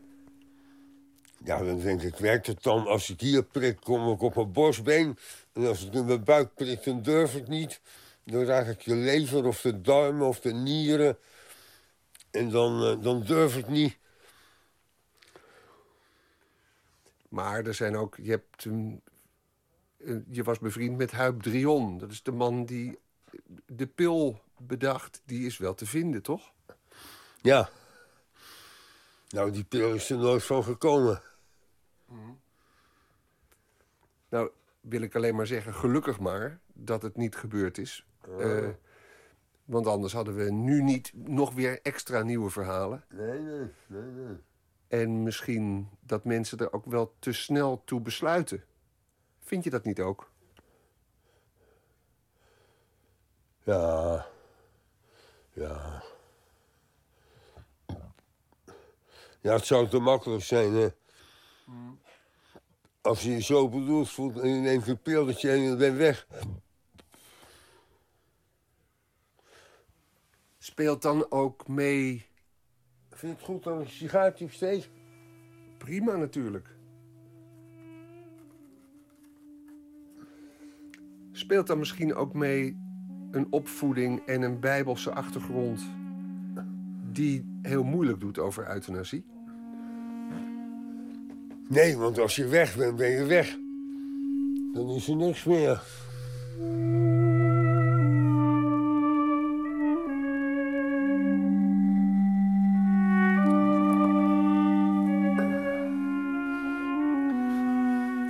Zullen we maar stoppen? Ja, we gaan stoppen. Tot slot, komende zaterdag hopen we je te zien bij die prijsuitreikingen. Als je er niet bent, zal iedereen daar begrip voor hebben. Als je er wel bent, wat ga je zeggen? Dan ga ik voorlezen. eh dan ga ik voorlezen. brief aan vader. Helemaal.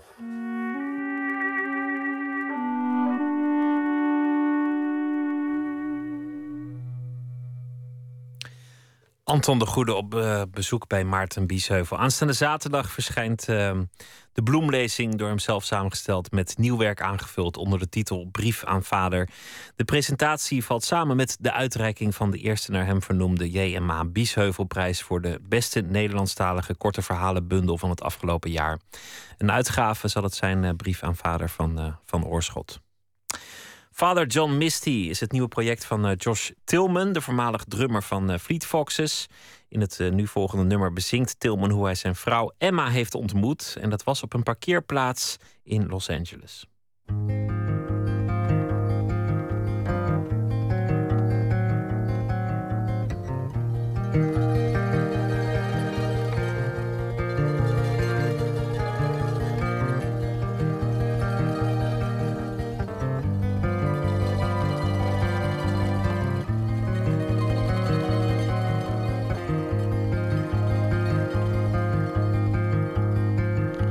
We met in a parking lot, was buying coffee and cigarettes, firewood and bad wine long since gone. But I'm still drunk and hot, wide awake, breathing hard. Now, in just one year's time, I've become jealous, rail thin, prone to paranoia when I'm stoned. This isn't true love, someone ought to put me in a home. Say, do you wanna get married an end to our endless progressive tendency to scorn? Provincial concepts like your dowry and your daddy's farm. For love to find us of all people, I never thought it'd be so simple.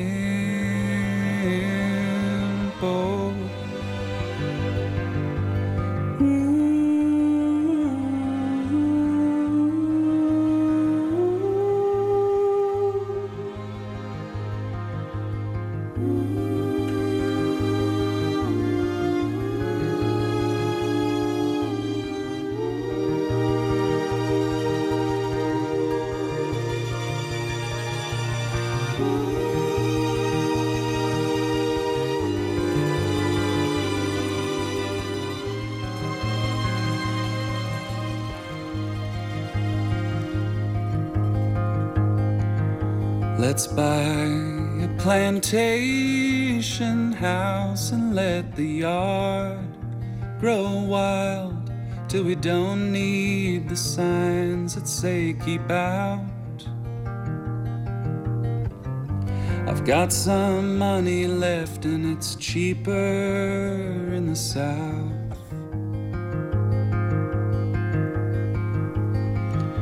I need someone I trust to protect me from our seven daughters when my body says enough. Don't let me die in a hospital. I'll save the big one for the last time we make love.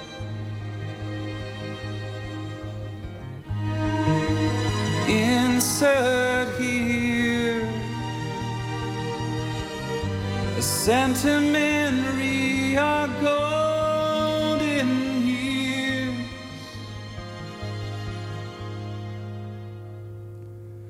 All cause I went to the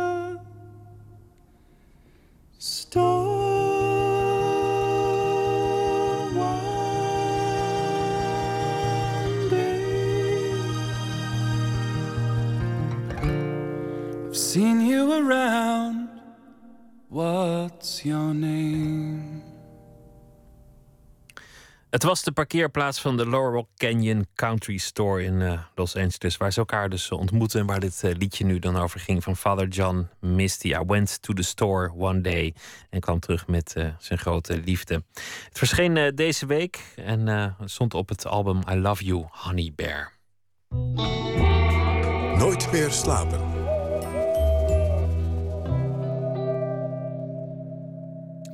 Een bericht in de Volkskrant van hedenochtend. De weduwe van kunstenaar Bastian Ader wil de films van haar man onderbrengen bij het AI-museum in Amsterdam. Want ze denkt dat Museum Boymans van Beuningen in Rotterdam de films niet goed heeft bewaard. Botte Jellema is onze nachtcorrespondent en heeft zich in deze kwestie eh, verdiept. Goedenacht, uh, Botte. Goedenacht, Pieter. Over welke films hebben we het? Ja, uh, dat zijn er zes. En uit de Volkskrant weten we ook uh, welke van de drie het zijn. Maar misschien is het goed om even uit te leggen. Kunstenaar Bas-Jan Ader, waar kennen we hem ook weer van? Uh, nou, dat is onder andere een van deze filmpjes. De meest bekende is namelijk een zwart-wit film... waarin hij huilt voor de camera. ook heel bekend is een filmpje van hem... waarin hij een, aan een tak boven een sloot hangt tot hij eruit valt... Uh, eentje die hier niet tussen zit, maar dat is een. Uh, ik geloof dat een foto is trouwens. Dat hij een gracht in Amsterdam in fietst. Dan hangt hij zo met zijn fiets zo vlak boven het water. Uh, en er is ook een filmpje waarin hij van een huis valt. Nou, dat filmpje zit ook bij deze zes vermiste filmpjes. Film en kunst, het is allebei. Boymans van Beuning is meer kunst dan, dan een filmmuseum. Hoe komt het dat zij die films in bezit hebben gekregen? Ja, dat is nu precies een kwestie die een uh, rechtszaak aan het worden is. Uh, het Boymans heeft in, uh, in 1992 tientallen foto's van de weduwe van Bastiaan Aarder gekocht, want hij leeft niet meer. Um, en het Boymans heeft toen ook het vertoningsrecht van al zijn films gekregen. Nou, daarvoor moesten ze ook zorgen dat ze goed bewaard bleven en dat ze goed geconserveerd werden. Maar um, het Boymans zegt dat de films daarmee, met, met dat ze die, dat vertoningsrecht hadden gekregen... en dat ze dus goed op gingen passen... dat ze daarmee die films ook in hun bezit hebben gekregen. Maar de weduwe vindt van niet. Een opmerkelijke kwestie, want uh, ze zouden het dan ook niet goed bewaard hebben. Dat is toch de kerntaak nee. van, een, van een museum. Um, ja. Je mag er toch eigenlijk wel van uitgaan dat een museum daarop let. Dat zal toch wel gewoon nou ja. ook zo zijn? Het uh, museum, het Boymans van Bunningen, heeft deze films in bewaring gegeven bij een filmlaboratorium. Dat is waarschijnlijk het beste wat ze op dat moment konden doen. Maar dat is drie jaar geleden, dat laboratorium uh, is failliet gegaan. En op dit moment is niet bekend waar die films uh, nu zijn. Die films die zaten in een kluis daar, maar hoe dat nou precies allemaal is gelopen. Nou, die weduwe, die is nu 75 jaar en die wil ervoor zorgen dat de films goed worden bewaard nu ze er nog iets aan kan doen. En het is een opmerkelijk verhaal en reden voor mij om even naar AI te gaan. Want daar wil ze dus eigenlijk die films naartoe hebben. En vanmiddag was er opmerkelijk genoeg de eerste uh, college uit een reeks over filmisch erfgoed, over technologie en over restaureren. En vanmiddag ging het over de apparaten, van de Magic Lantern tot een, uh, een, smartphone. Dus de apparaten waar je films mee maakt. En die colleges die worden gegeven door hoofdconservator professor Giovanna Fossati van AI. Het idee van deze serie is echt om een beetje aspecten te gaan eh, belichten uh, in de praktijk van filmerfgoedinstituten, uh, zoals AI. dus volgende week bijvoorbeeld gaan we um, over iets heel anders hebben. Dat is filmrestauratie door Hollywood Studios. We hebben Grover Crisp als gast. Die komt uit Los Angeles op bezoek. Hij is hoofd van het archief van Sony. Nou, en het archief van so Sony beheert de films, de, de library zo genoemd, van Columbia. Dus een van de grote Hollywood studios. Een hele oude ook. En ook een hele oude, inderdaad. Die al in de zwijgende periode actief was. En ze hebben in de afgelopen twintig jaar heel consequent alle films in hun collectie gerestaureerd. En ook op hele hoge standaards. Ja, leerzaam, want er is in Hollywood meer geld dan in de culturele sector in Nederland natuurlijk. Uh, en daar kun je dan mooi het kunstje van, uh, van afkijken, hoe ze dat daar doen. Uh, ze lopen in Hollywood, Hollywood dus ook voor wat betreft de technologie om dit voor elkaar te krijgen. En ook wat betreft het beleid op het gebied van restauratie. Daar zijn ze heel consequent in. En... Um, het is nu wel echt, en daarom is dit ook zo zorgelijk dat die films nu zoek zijn. Het is echt tijd om die films zoals die van Basjan Aarde te restaureren. Nu ze meer dan 40 jaar oud zijn. Film is een hele instabiele drager op zich. Uh, er zijn grote verschillen door de 120 jaar films. Er zijn ook hele vroege filmdragers, zoals uh, Nitraat, uh, die wel brandbaar zijn. Dus op zich, dat is niet heel gunstig voor een drager. Maar zijn vrij stabiel. Dus als ze worden goed bewaard in een geklimatiseerde kluis... kunnen heel lang mee. Ja. Dat is ook de reden waarom we films hebben van 100 jaar geleden. Heeft, heeft Boymans zo'n kluis? Uh, dat weet ik niet. Nee. Dat weet ik niet. Nee, dat weet ze dus niet. En Giovanna Fossati die vertelde me dat wanneer een film eenmaal chemisch begint te ontbinden... dan is het gewoon te laat. En dat kan op zolder bij een filmmaker al beginnen. En dan heeft het in een klimaatkamer zetten daarna eigenlijk niet zo heel veel zin meer. Dan is het uh, des te alarmwekkender dat, dat we niet weten waar die films precies zijn. Misschien staan ze nu wel ergens op zo'n zolder uh, te vernachelen. Nou ja, dat is dus waar de weduwe, Bas, van, de weduwe van Bas-Jan zich ook zorgen over maakt. Voor Giovanni uh, Fossati was dit allemaal nieuwe informatie. Uh, dus ze kon niet op dit specifieke geval vertellen wat, wat zij daarvan wist. Of hoe, want ze zei dat moet ze eerst nog onderzoeken. Maar ze is zeer geïnteresseerd nu ze weet dat de weduwe de films graag bij AI wil onderbrengen. Nou, als we in goede overleg met de weduwe en de Boymans tot de conclusie zouden komen dat uh, we uh, beter of opslag kunnen bieden aan deze films, dat kan absoluut. maar zoals ik zei, ik weet echt niet over de omstandigheden waar het nu bewaard wordt. Dus ik kan er niks over zeggen. Maar we, we gaan heel graag in gesprek met Boymans en de weduwe over mogelijkheden. Ja, al was het maar om alleen maar te adviseren, vroegen ze daar nog aan toe. Nou heb ik wel eens gehoord dat het depot van Boymans ook af en toe een, een klein beetje onder water loopt. Is dat waar? Weet ja, je dat? dat? klopt. Ja, dat klopt. Dat is een paar keer gebeurd. En in die tijd dat dat gebeurde, hebben we eigenlijk alleen dingen gehoord over schilderijen en uh, andere museumstukken die daar uh, stonden. Maar ja, je moet er toch niet aan denken dat die uh, filmblikken daar ergens op een pallet op de grond liggen. Nee, want als dat onderstroomt of, of gewoon te droog ligt of, of wat dan ook, dan, uh, dan is het voorbij.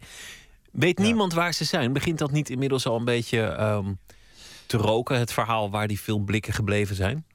Nou, omdat het dus nu bij de rechter ligt, uh, wil het Boymans uh, er helemaal niets over zeggen. En uh, dat heeft een verslaggever bij de Volkskrant ertoe uitgedaagd om er zoveel mogelijk over uit te vinden. En zij heeft dus uitgevonden, of hij, sorry, dat was Michiel, heeft uitgevonden dat na het faillissement van het filmlaboratorium die kluis waar die filmblikken in lagen naar, lagen naar een onbekende bestemming zijn gegaan. Maar dankzij het AI Filmmuseum, dat was er dus eerder al een keertje bij betrokken, zijn de films van Aarde toen teruggekomen naar Rotterdam, naar Boymans. Um, en een oud conservator, die in 2006 al bij Boymans vandaan is gegaan, die, die schreef dat de films, voor zover hij wist, uh, zijn overgebracht naar het gemeentearchief Rotterdam. Toen is de verslaggever uh, aan het bellen geslagen met het gemeentearchief in Rotterdam. En um, die hebben uh, geprobeerd om daar te achterhalen of die daar misschien liggen. Maar de me medewerker daar die zegt dat het heel onwaarschijnlijk is... dat die films in het uh, gemeentearchief van Rotterdam liggen. Dus ja, als ja, ik dit zo hoor, dan snap ik wel dat die weduwe geleidelijk aan een beetje zenuwachtig wordt. Ja, natuurlijk, want je wil gewoon weten waar dat is. En als het Boymans daar geen uitsluitsel over geeft, ja, wat, ja, oh, nou ja, je moet. Kijk, het, voor hetzelfde geld ligt het inderdaad in dat depot en, uh, en zijn ze een keer over, overstroomd en houdt Boymans dan hun mond maar, omdat het eigenlijk heel gênant is dat dat is gebeurd. Ik, ja, je weet het niet. We moeten het uh, beste van hopen. De college-reeks film restaureren, niet alleen voor de medewerkers van het uh, Boymans, maar ook voor andere geïnteresseerden, loopt nog tot en met 19 maart, elke donderdag rond 4 uur toegankelijk voor iedereen in uh, Filmmuseum AI. Botte Jellema, goeienacht. Dag Pieter. Dat was uh, Botte Jellema. IBI is een uh, Frans-Cubaanse tweeling die zowel in het Engels zingt als in het Yoruba. En IBI betekent dan ook uh, tweeling in het Yorubaans. Van hen draaien we nu het nummer Mama Says. The man is gone And mama says she can't live without him. The man is gone, and Mama says there is no life without him.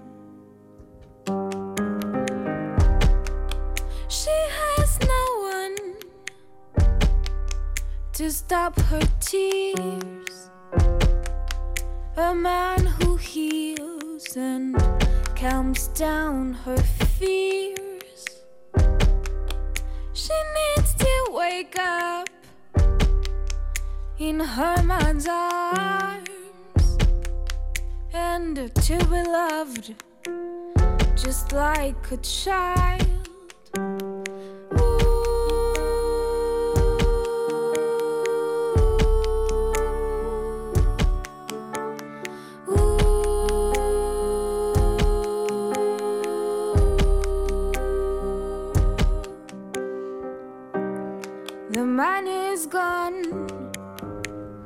And Mama says that she can't live without him.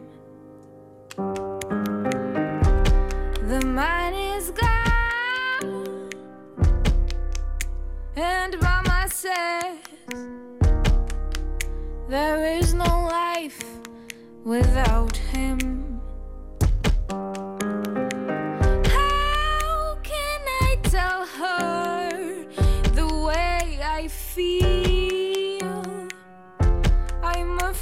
Afraid she'd be hurt and sink.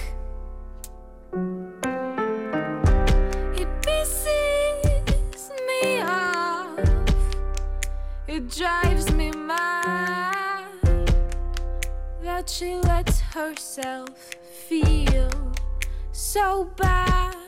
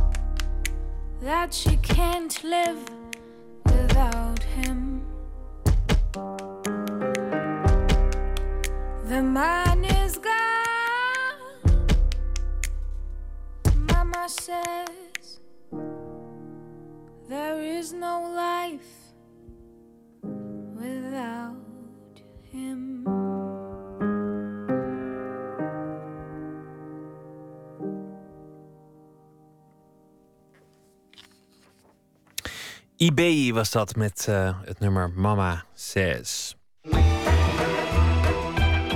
Nooit meer slapen.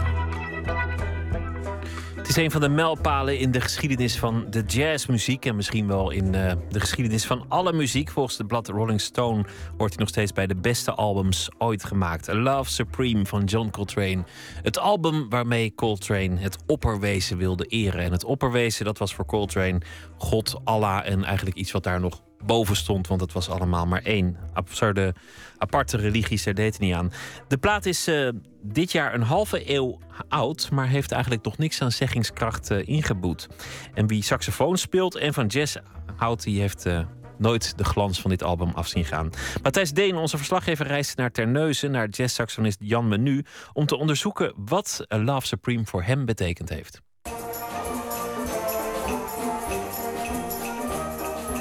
Wie, zoals Jan Menu in de jaren 60 en 70 opgroeide in een dorp in Zeeuws-Vlaanderen, die hoorde buitenshuis slechts het kerkorgel en de harmonie. En binnenshuis was er natuurlijk de pick-up, het geluid van de naald die daalt in de groef, het geruis, de onherstelbare schade van de krassen. Nu, een kleine halve eeuw later, zijn laptop weliswaar vol met jazz, gaat zijn hart bij albums als Love Supreme nog steeds uit naar de platenspeler. En dat betekent in Terneuzen een gang het huis uit. De korte wandeling naar de speciaalzaak. De audiowinkel in het centrum van de stad. De schok was te groot toen ik in eerste echt een goede jazzplaat hoorde. Ik kreeg een plaat, van, tenminste van mijn zakgeld, van twee of drie gulden uit de bak met V&D. Sonny Stitt met Dizzy Gillespie en Stan Getz. Een live opname, vrij onbekend. Ik speelde toen dus alt. Ik hoorde Sonny Stitt spelen. Ik dacht gelijk al, ja, die jazzmuziek dat is niks voor mij.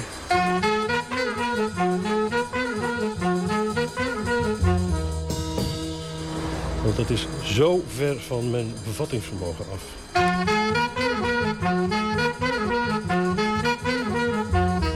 Ja, ik speelde als sax. Gewoon een beetje in een bandje met de harmonie meespelen. Blaasmuziek. Ja, dat was. Ik heb het keer op keer gedraaid en ik begreep het niet. Ik begreep er helemaal niets van wat die mannen er doen was. Maar het raakte me.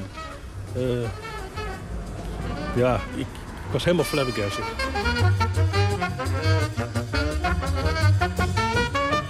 Ik heb het laten horen aan mensen, de toenmalige dirigent van de harmonie.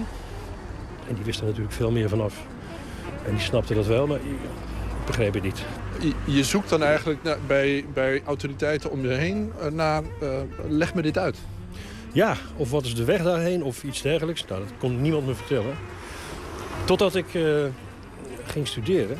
En toen kwam ik mensen tegen, medestudenten, die daar heel erg fanatiek mee bezig waren. Ik speelde aan de ene kant een Dixieland bandje, aan de andere kant free jazz workshops. Die sound van Sonny Stitt en wat hij speelde, dat zat gebeiteld in mijn hoofd. Het was heiligschennis voor mij om dat naproberen te doen. Ik heb het ook niet bewust naproberen te doen. Maar als, je, als er een soortgelijke sound voorbij komt, namelijk een, een ritmesectie speelt een blues. Dat was het enige wat ik daarop kon verzinnen. Was eh, een, beetje gestuntel in dat idioom. Of ernaast.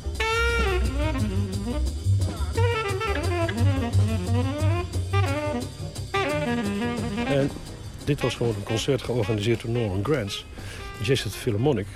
Waarbij vrij willekeurig mensen bij elkaar werden gezet. En er werd afgeteld en that's it. Dus toen werd de verbazing nog groter. Dit kan deze man dus elk moment. Ja. En als je dan later hoorde dat er waarschijnlijk ook nog een halve fles whisky in zat bij Sonny Stitt... dan dacht ik, nou ja, Maar is het, is het niet zo dat je als jazzmuzikus een aantal dingen nodig hebt? Namelijk een goede beheersing van je instrument... maar ook de durf en de persoonlijkheid om daar helemaal jezelf te zijn? En dat is een grote stap, die, die durf en die persoonlijkheid, om die gewoon te laten gaan. Ik ben eh, opgevoed muzikaal op het Hilversum Conservatorium, waarbij wij ook heel goed onderwezen werden in het vak van muzikant. Dus heel veel van de, de uren die je maakt zijn er ook op gericht om dat vak te leren. Terwijl ik er later achter kwam dat de kunstenaar maakt wat hij wil maken. En een entertainer, of een vakman, die maakt wat andere mensen willen horen. Ja. En dat, hoe langer ik daarmee bezig ben, en hoe meer ik dus ook die mensen als schooltrainer zo kan waarderen. Omdat zij dat al op een eh, vroeg moment gezien hebben. Ik ga dat doen en dan ga ik zonder enige concessie te doen, daar ga ik tegenaan.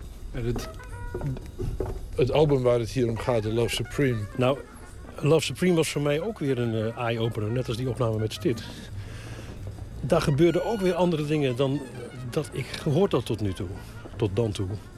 In één keer is het een totaal andere vorm die nog een stapje verder gaat. Namelijk, er komt een soort religie bij, een soort boodschap. Muziek was toen voor mij niet iets waar ik me zelf op een politieke of eh, sociale of eh, geestelijke manier mee wilde uitdrukken. En hier wordt een statement gemaakt door Coltrane. Met een tekst erbij. Hij is waarschijnlijk als gevolg van het afkicken, denk ik, eh, zwaar religieus geworden. En dit was zijn geschenk aan God. Heel bijzonder. Nou, ik ben heel erg anti wat dat betreft. Maar ik heb wel meegekregen uit de kerk... dat ze verdomd goed weten hoe ze een boodschap moeten brengen. De boodschap interesseert me niet zo. Maar de manier waarop het gebracht wordt... ben ik nog steeds van onder de indruk.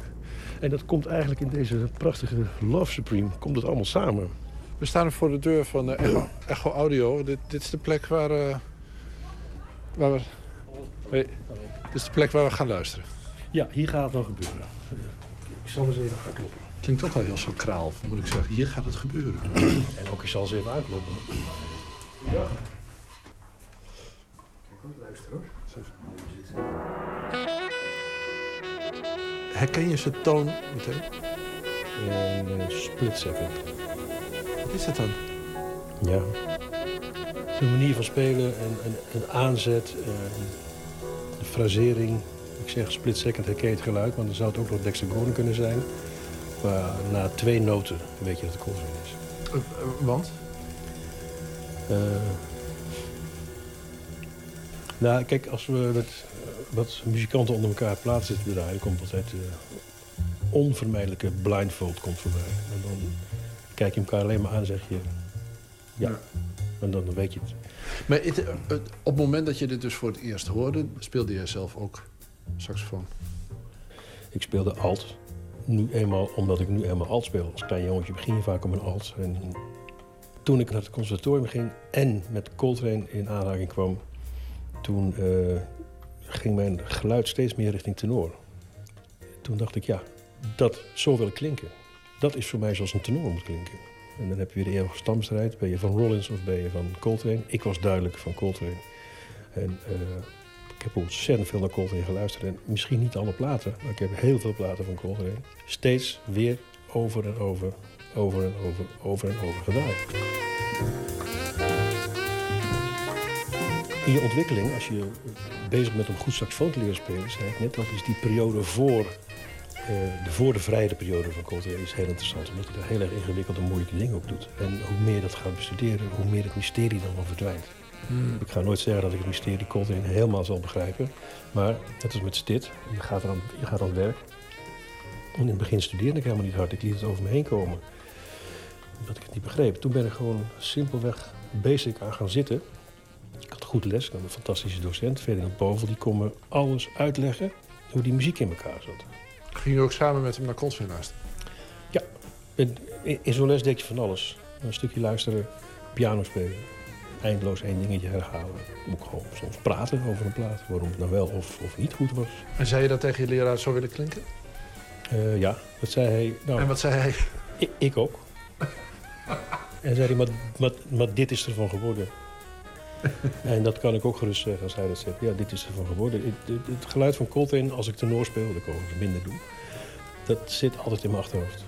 Maar is het zo dat achteraf gezien dat, dat, dat, dat Coltrane, het voorbeeld wat Coltrane was... dat was aan de ene kant een, dus een, een onbereikbaar ideaal... maar aan de andere kant niet intimiderend genoeg om je te ontmoedigen? Nee, want ik wist ook wel dat ik dat niet na moest gaan doen. Ik wist ook wel dat ik er uiteindelijk zelf iets uit moest gaan distilleren. En ik zal je vertellen, ik speel bijna geen tenor meer. Ik speel bijna alleen maar bariton. Hm. Maar de muziek die ik speel is nou niet zo, niet per se traditioneel baritonachtig. Ik kan er ook best wel vrijere dingen op doen. En ik merk dat ik, als we in een situatie zijn waarbij een ritmesectie misschien wat vrijer gaat spelen, dat ik dan toch wel weer aan het idioom van Coltrane denk. Ik hoop dat ik er zelf iets van gemaakt heb, want er is niks erger dan iemand nadoen. Deze mensen die konden goed met elkaar... Zijn ze nog lang bij elkaar? Heb je enig idee of dat... eh, Nou, volgens mij is dit, eh, deze band een jaar of vijf aan elkaar geweest. Maar ja, net als de Beatles, hè. Het is een hele korte periode, is er heel veel gebeurd. En de ontwikkeling die is eh, werkelijk waar. Dat was ook een storm wat er allemaal gebeurde. Ze speelden volgens mij dag en nacht. Coltrane studeerde dag en nacht. Ze waren alleen maar hiermee bezig. Hij speelde ze gewoon acht uur per dag, hè? Hij studeerde soms acht uur per dag. Ja. Nou, gemiddeld, zei iemand. Ja. Gemiddeld? Ja, en ook nog als ze een concert hadden in een club. Het was pauze, ging hij in de pauze gewoon door met eh, spelen. Maar dat is een, een bijna onnatuurlijke obsessiviteit. Ja, absoluut. Nou, ik, Kan jij die begrijpen? Nou, ik kan het niet voelen, maar ik kan het wel begrijpen. Ik ken wel mensen die eh, zo monomaan zijn dat er niks anders bestaat dan muziek. Ik persoonlijk heb ook andere dingen nodig. Ik heb andere, nou hobby's wil ik niet zeggen, andere interesses, andere behoeften. Voor hem bestond volgens mij dus alleen nog maar muziek. Het zou ook kunnen dat dat na een verslaving eh, eh, eh, moet, dat er een andere verslaving voor in de plaats moet komen. Dat zou best kunnen. Ik weet niet hoe die daarvoor was. Het was spelen of verzuipen misschien wel. Dat denk ik, ja.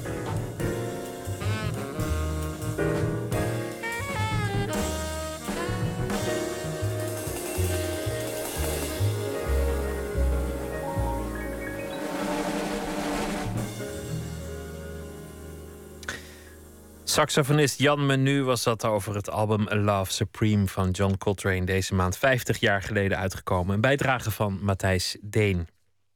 Vorig jaar verscheen het 35ste studioalbum van Neil Young, Storytone, met een akoestisch rustig solodeel en dan een zwaar georchestreerd eh, deel. De uitgeklede sound was stiekem toch het mooist. Vooral het uh, nummer waarin de oude Neil zijn romantische gevoelens voor de actrice Daryl Hannah verwoordt. En dat was uh, dit nummer, When I Watch You Sleeping.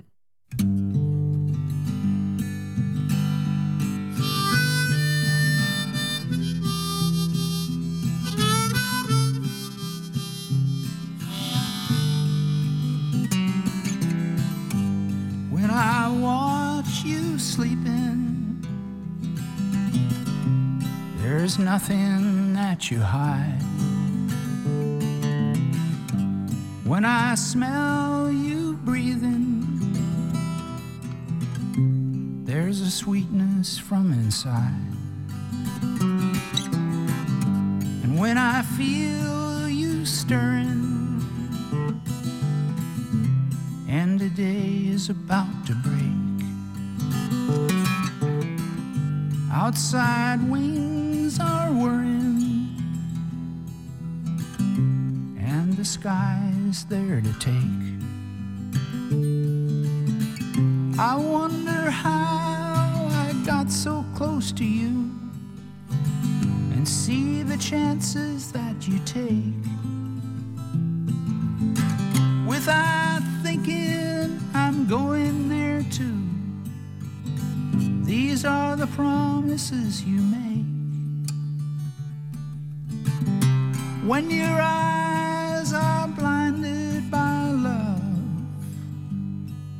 the history of fate.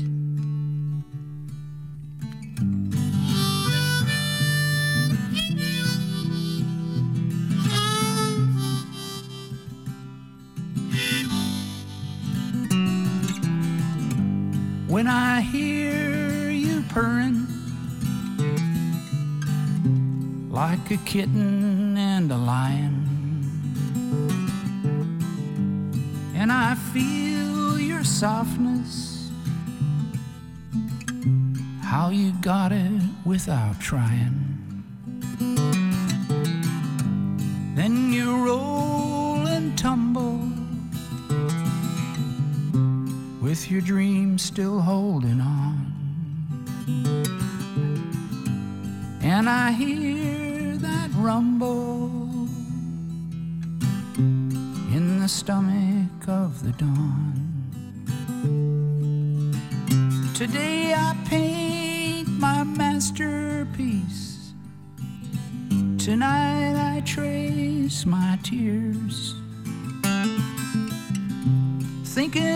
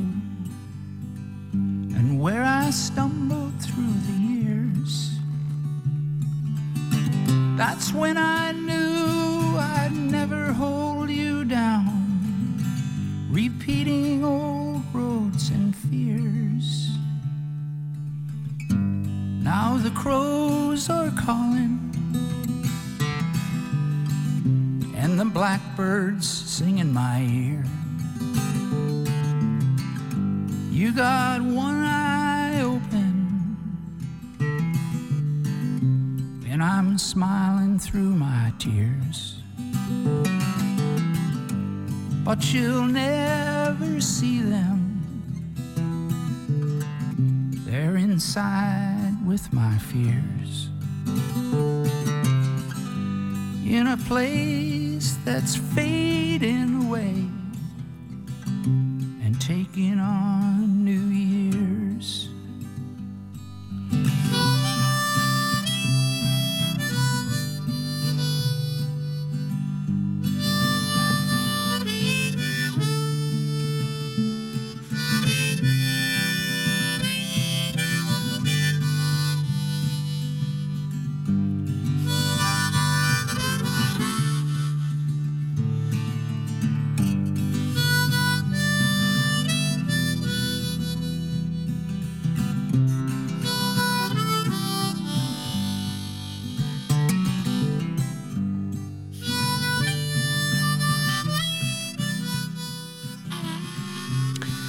Neil Young was dat. Gescheiden na eh, een jaar huwelijk van zijn vrouw Peggy. Geëxposeerd met schilderijen en tekeningen en twee nieuwe albums: Letter Home en Storytone. En van die laatste hoorde u When I Watch You Sleeping. Menno Wigman draagt deze week eh, vijf favoriete gedichten voor. Hij is zelf ook eh, dichter. Zijn laatste bundel heette Mijn naam is Legioen. Van de Duitse dichter Georg Trakkel leest hij nu het gedicht De Profundis.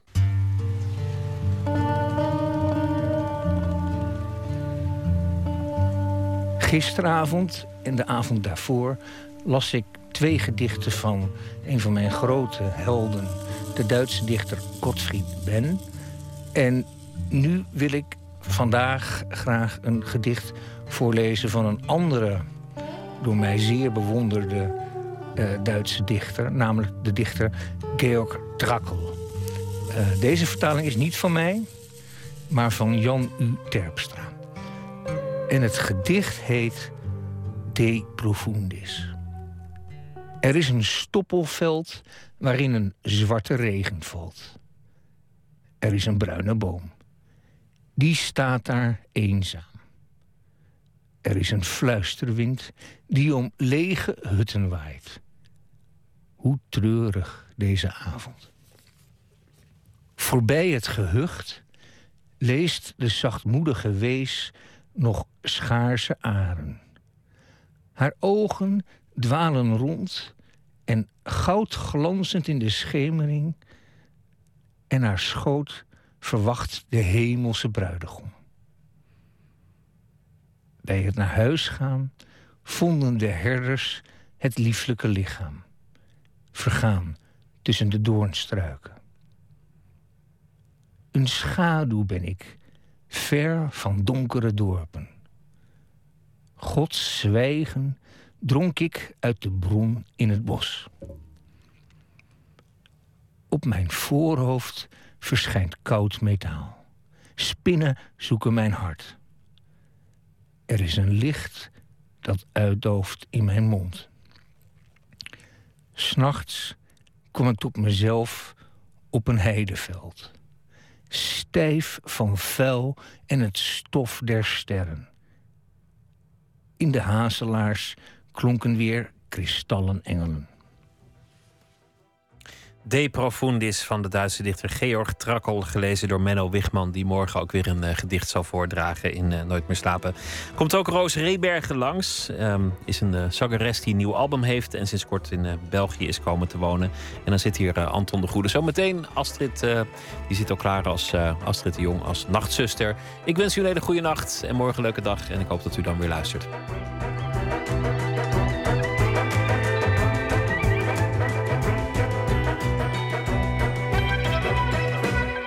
Op Radio 1, het nieuws van alle kanten.